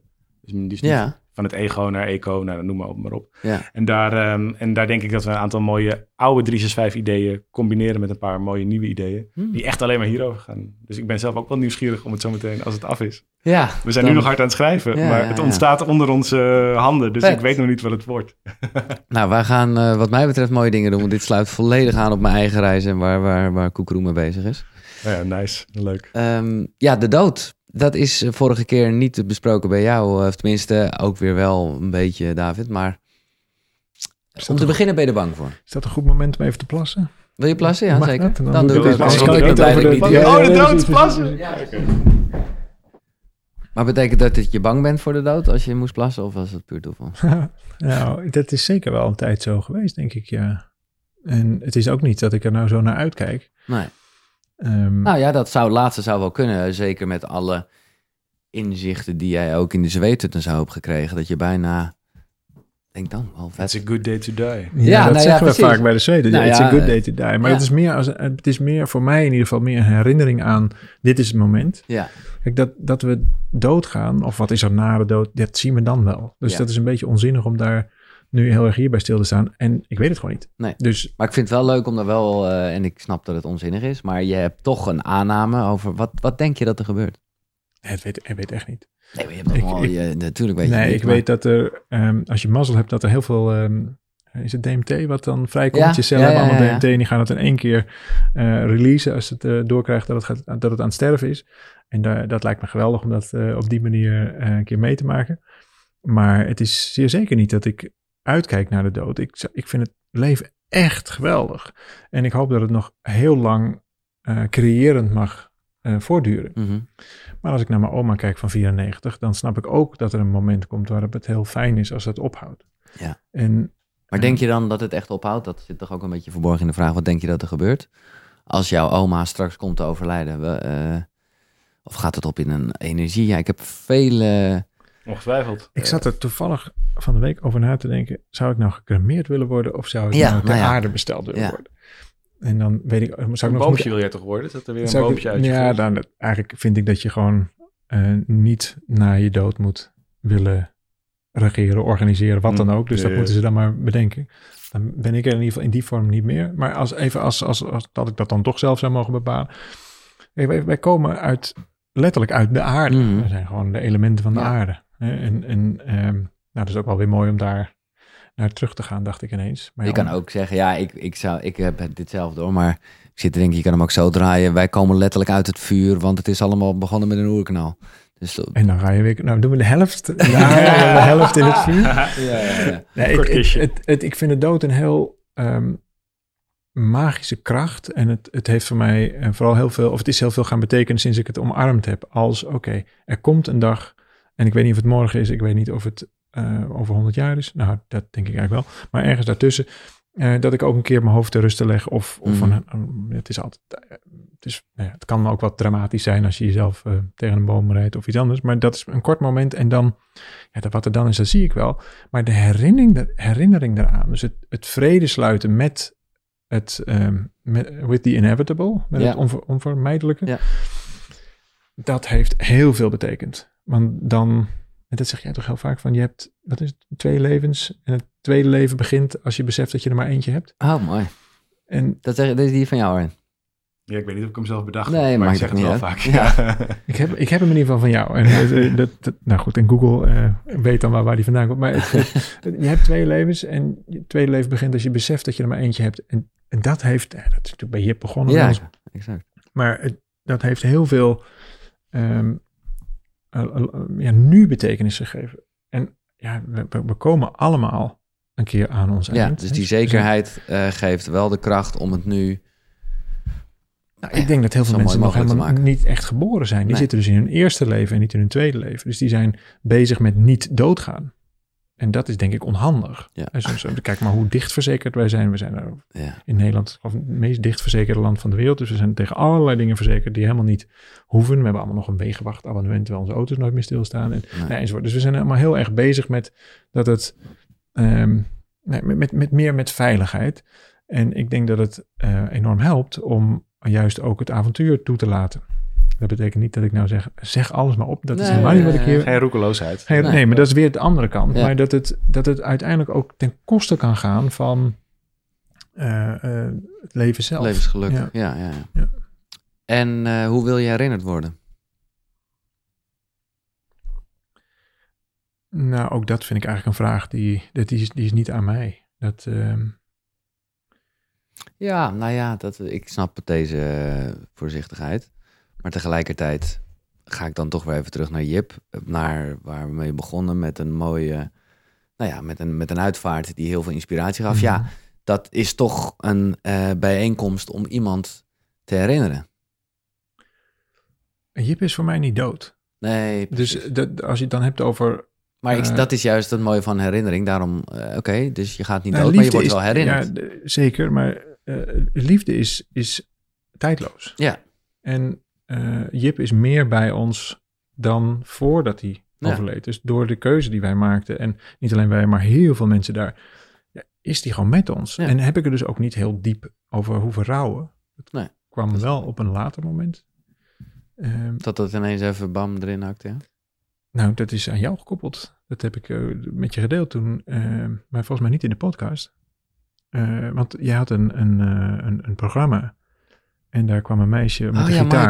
Ja, Juist. Ja, ja. En, en ik zat dat op YouTube, want het- werd een heel ding. En, en, en ik snapte later natuurlijk ook wel waarom. Maar, eh, en ik zag dat op YouTube, want ik kijk verder nooit televisie. En ik zag dat. En ik zag dat met, eigenlijk in eerste instantie wat het met jou deed tijdens dat je dat zo aan het ondergaan was. Het was gewoon een soort van... eh, hier kon je niet tegen wapenen. Als je hier maar iets mee hebt, als je maar iets daarin voelde. Nou, jij brak daar helemaal. En Sanne zat volgens mij naast je en die brak helemaal erin. En, ik zat zo te kijken en ik voelde dat zo mee. En pas toen ik mijn tranen toeliet, voelde ik dat het eigenlijk voor Jip was. En ik had er nog nooit om gehuild zelfs. Ik had gewoon nog niet de, ehm, de emotie ja, toegelaten. Ik weet niet. Ik had, ik had hem denk ik ook niet herkend, omdat wij namelijk meteen in creatie Bam. zijn gegaan. Ja, ja. En misschien zat er ook wel een stukje spiritual bypassing in. Mm. Dat wij gewoon heel hard zijn gaan werken en we Ja. zijn die opdracht gaan uitvoeren. Maar dat was misschien wel meer zijn opdracht om hem niet te laten sterven dan... eh, nou, anyway. En toen zat ik, want hoe lang is dat geleden? Een jaar of zes, zeven, misschien wel langer geleden. Ja, langer bij, eh, ja, zeven zeker, misschien bijna tien. ja. Nee, in ieder geval... Oh, dat kan Dat, natuurlijk niet. dat kan dan. niet in het Nee, geval van maar met Nou ja, ergens zoiets. Het, het is een paar, in ieder geval van in mijn herinnering een paar jaar nadat dat gebeurd was. Moet je je voorstellen. Dus ben je een paar jaar al hakken, zagen, duwen en oh, oh, wat is die vaak bij ons. En dan komt één zo'n meisje met één gitaar van een liedje wat we nog nooit hebben gehoord. En die breekt door alles heen. Ja. En ik, ik ben daar ongelooflijk dankbaar voor. Dat, Ja. was, dat was toen landde het eigenlijk pas. En toen kon ik ook denk ik dat harde werken ook voor het eerst loslaten. En, en, en het van ons maken. Mooi. Het is, eh, en, eh, ja. Ja, de helende kracht van muziek en woorden. dat Hm. is Top. Ja. Nou, en ook de ontwaap, de, de, de, ik was ontwapend. Dus ik kon niet, ehm, Guard down. Ja. Eh, hier kon ik niet meer, te- niet, Nee. niet meer tegen, ehm, geen enkel beschermingsmechanisme werkte meer. En dat vond ik er zo tof Ik wil aan. toch de vraag nog een keer stellen. Hoe wil je herinnerd worden? Ja, het maakt me gewoon echt niet uit. Dat is, dat is aan, de, aan de mensen die, ehm misschien komt er wel helemaal niemand. En, en dat denk ik ook niet. Ik- Mijn, mijn grootste eh, verdriet, ik heb er net tijdens het plas nog even over nagedacht, is misschien wel ehm, dat ik mijn zoontje en mijn dochtertjes eh, dan achter moet laten. Maar het verdriet lijkt me nog groter als het andersom is. Ja. Dus daar zit een soort natuurlijke volgorde in dingen. En als Ja. dat een beetje mag belopen, en als dan Herman Brood My Way wil spelen, dan, dan is het denk ik wel goed. Oké. Dan is het mooi. Ja. Arjen, je hebt er eh, over na kunnen denken. Om te beginnen, ben je bang voor de dood? Want daar hebben we het net een beetje over gehad. Die, die, die, Ja. die scène in, eh, Ja, bij de arts. bij de arts. Eh, nou, ik ben niet bang voor de dood, maar ik ben wel bang voor het sterven. Ja, ja, Dus het dat, proces. ja, ja, oké. ja, dus dat, dat, dat lijkt Ja. me, dat, lijkt me akelig. En wat denk je dat er gebeurt? Ik snap David dat hij zegt, we weten het niet, maar ik... Als ik eenmaal voorbij de, de bruggetje ben, zeg Ja. maar, dan uh, ik geloof in het grote niks. Dus, dus het is, het, het, houdt op. Dus er gebeurt met mij, uh, hoe ik er naar kijk, helemaal niks. En dat, dat is ook de reden waarom ik niet bang ben voor de dood zelf. Omdat, weet je, als ik er ben, is de dood er niet. En als de dood er is, dan ben ik er niet. En dat is... Maar dit is wel grappig, want dit is, dit is niet waar jullie, en dat is misschien ook wel weer de kracht, waar jullie elkaar in vinden. Als het gaat, nee, ik zie daar wat dan, nee, dat maakt nee, niet uit. Hoeveel. Nee, helemaal Nee. niet, maar dat geldt op heel wel meer Ja. plekken. Ja, Maar de- en, en, Bijna op alles. En dat is, nee, maar dat is juist, dat nuanceert Nee. het dus ook meteen heerlijk. Dat is Ja. toch fantastisch? Ja, Laten we top. het vooral niet bij elkaar eens zijn. Nou, ik ben daar heel, eh, eh, ja, de, de, de, de processen in het lichaam stoppen. Dus daarmee stopt ook de waarneming en daarmee stopt ook de, het, het, mijn, mijn bestaan. Ja. En dat vind ik ook een hele, dus ook een, een uitgangspunt waar ik heel eh, goed vrede ja. mee kan hebben hoor. Dus ik ben bang voor de, de, de eenzaamheid of misschien de pijn van het sterven. Dat, dat lijkt me een akelig proces. Dus laat me gaan op een onbewaakt ogenblik. En voor de rest, eh, daarna maakt het me echt werkelijk waar geen fluit meer uit. En hoe wil je herinnerd worden? Ik hoop dat er, eh, ik wil graag, ik hoop dat mensen dan zeggen, wat hebben we gelachen en wat hebben we van elkaar gehouden. Dat, dat, er, eh, dat, dat, dat, dat we dat kunnen zeggen met elkaar. Of dat dat over me gezegd wordt. Ja. Het is wat leuk dat die er is geweest. Ja. Zo, wat hebben we een goede tijd met elkaar gehad. Dat hoop, toch- ik, dat hoop ik heel erg. Het, sorry hoor, het is toch een beetje raar. Want we doen net alsof dat sterven een moment is. En volgens mij is het helemaal geen moment. Het Volgens is mij nu ben je- bezig. Het is nu aan de gang, Ja, maar we ja, zijn ja, nu weer een paar minuten dichter bij de dood. Mm. En die herinnering aan. Dus dit is, dit, dit is, wel, het is natuurlijk wel mooi om het, om het naar zo'n punt te drijven. Want dan krijg je een. een hoe, hoe zou het zijn als? Maar we weten één ding zeker, zo gaat het in ieder geval niet zijn. Nee. Dus daar zit ook alweer die onzinnigheid. Maar wat nou als het een proces is in plaats van een punt? Ja. En als sterven nou een proces is, dan kun je jezelf hele nieuwe vragen stellen. Ja. Oké, en wat doe ik dan in de tussentijd? En ik, ja, ik, want ik, ik zit namelijk naar je te luisteren nu je dat zo zegt, Arjan. En dan denk je, dit doe jij nu al. ja. Wat bedoel je? Ja, maar dat is toch je top? Wat, doe ik Nee, nu dat is dus nou, dat je, dat jij zegt, Ja, ik hoop is- dat ik herinnerd word als Ja. eh, dat we hebben gelachen. Maar en daar dat we gaat van- het eigenlijk, misschien moet ik de Natuurlijk, vraag ook... dat is ook de uitnodiging van de dood. Ja, maar wacht er dus niet op totdat...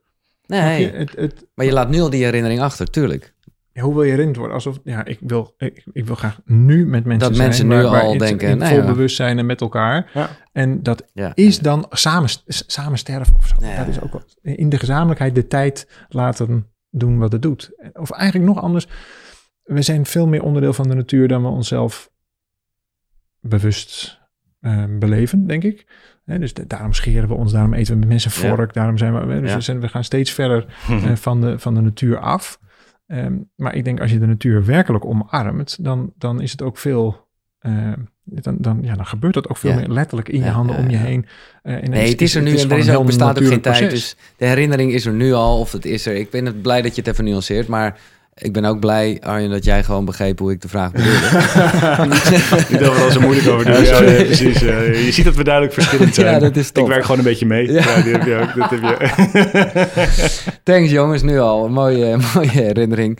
Eh, ik zeg nog even dat je tegenwoordig op Spotify kan raten, sterretjes geven. Als je het weet te vinden, knap. Ik, het lukt mij niet, maar het is belangrijk. Laat een reactie achter eh, bij YouTube. De, ja, de bel gaat. Ehm, nou ja, dan wil ik toch nog even eindigen, omdat we het er net zo over hebben. Met voor mezelf weer even die drive. Eh, we zijn allemaal terminaal. Iedereen gaat dood. Maar niet iedereen leeft echt. Dus leef. Bedankt jongens. Tot de volgende. Zonder groet.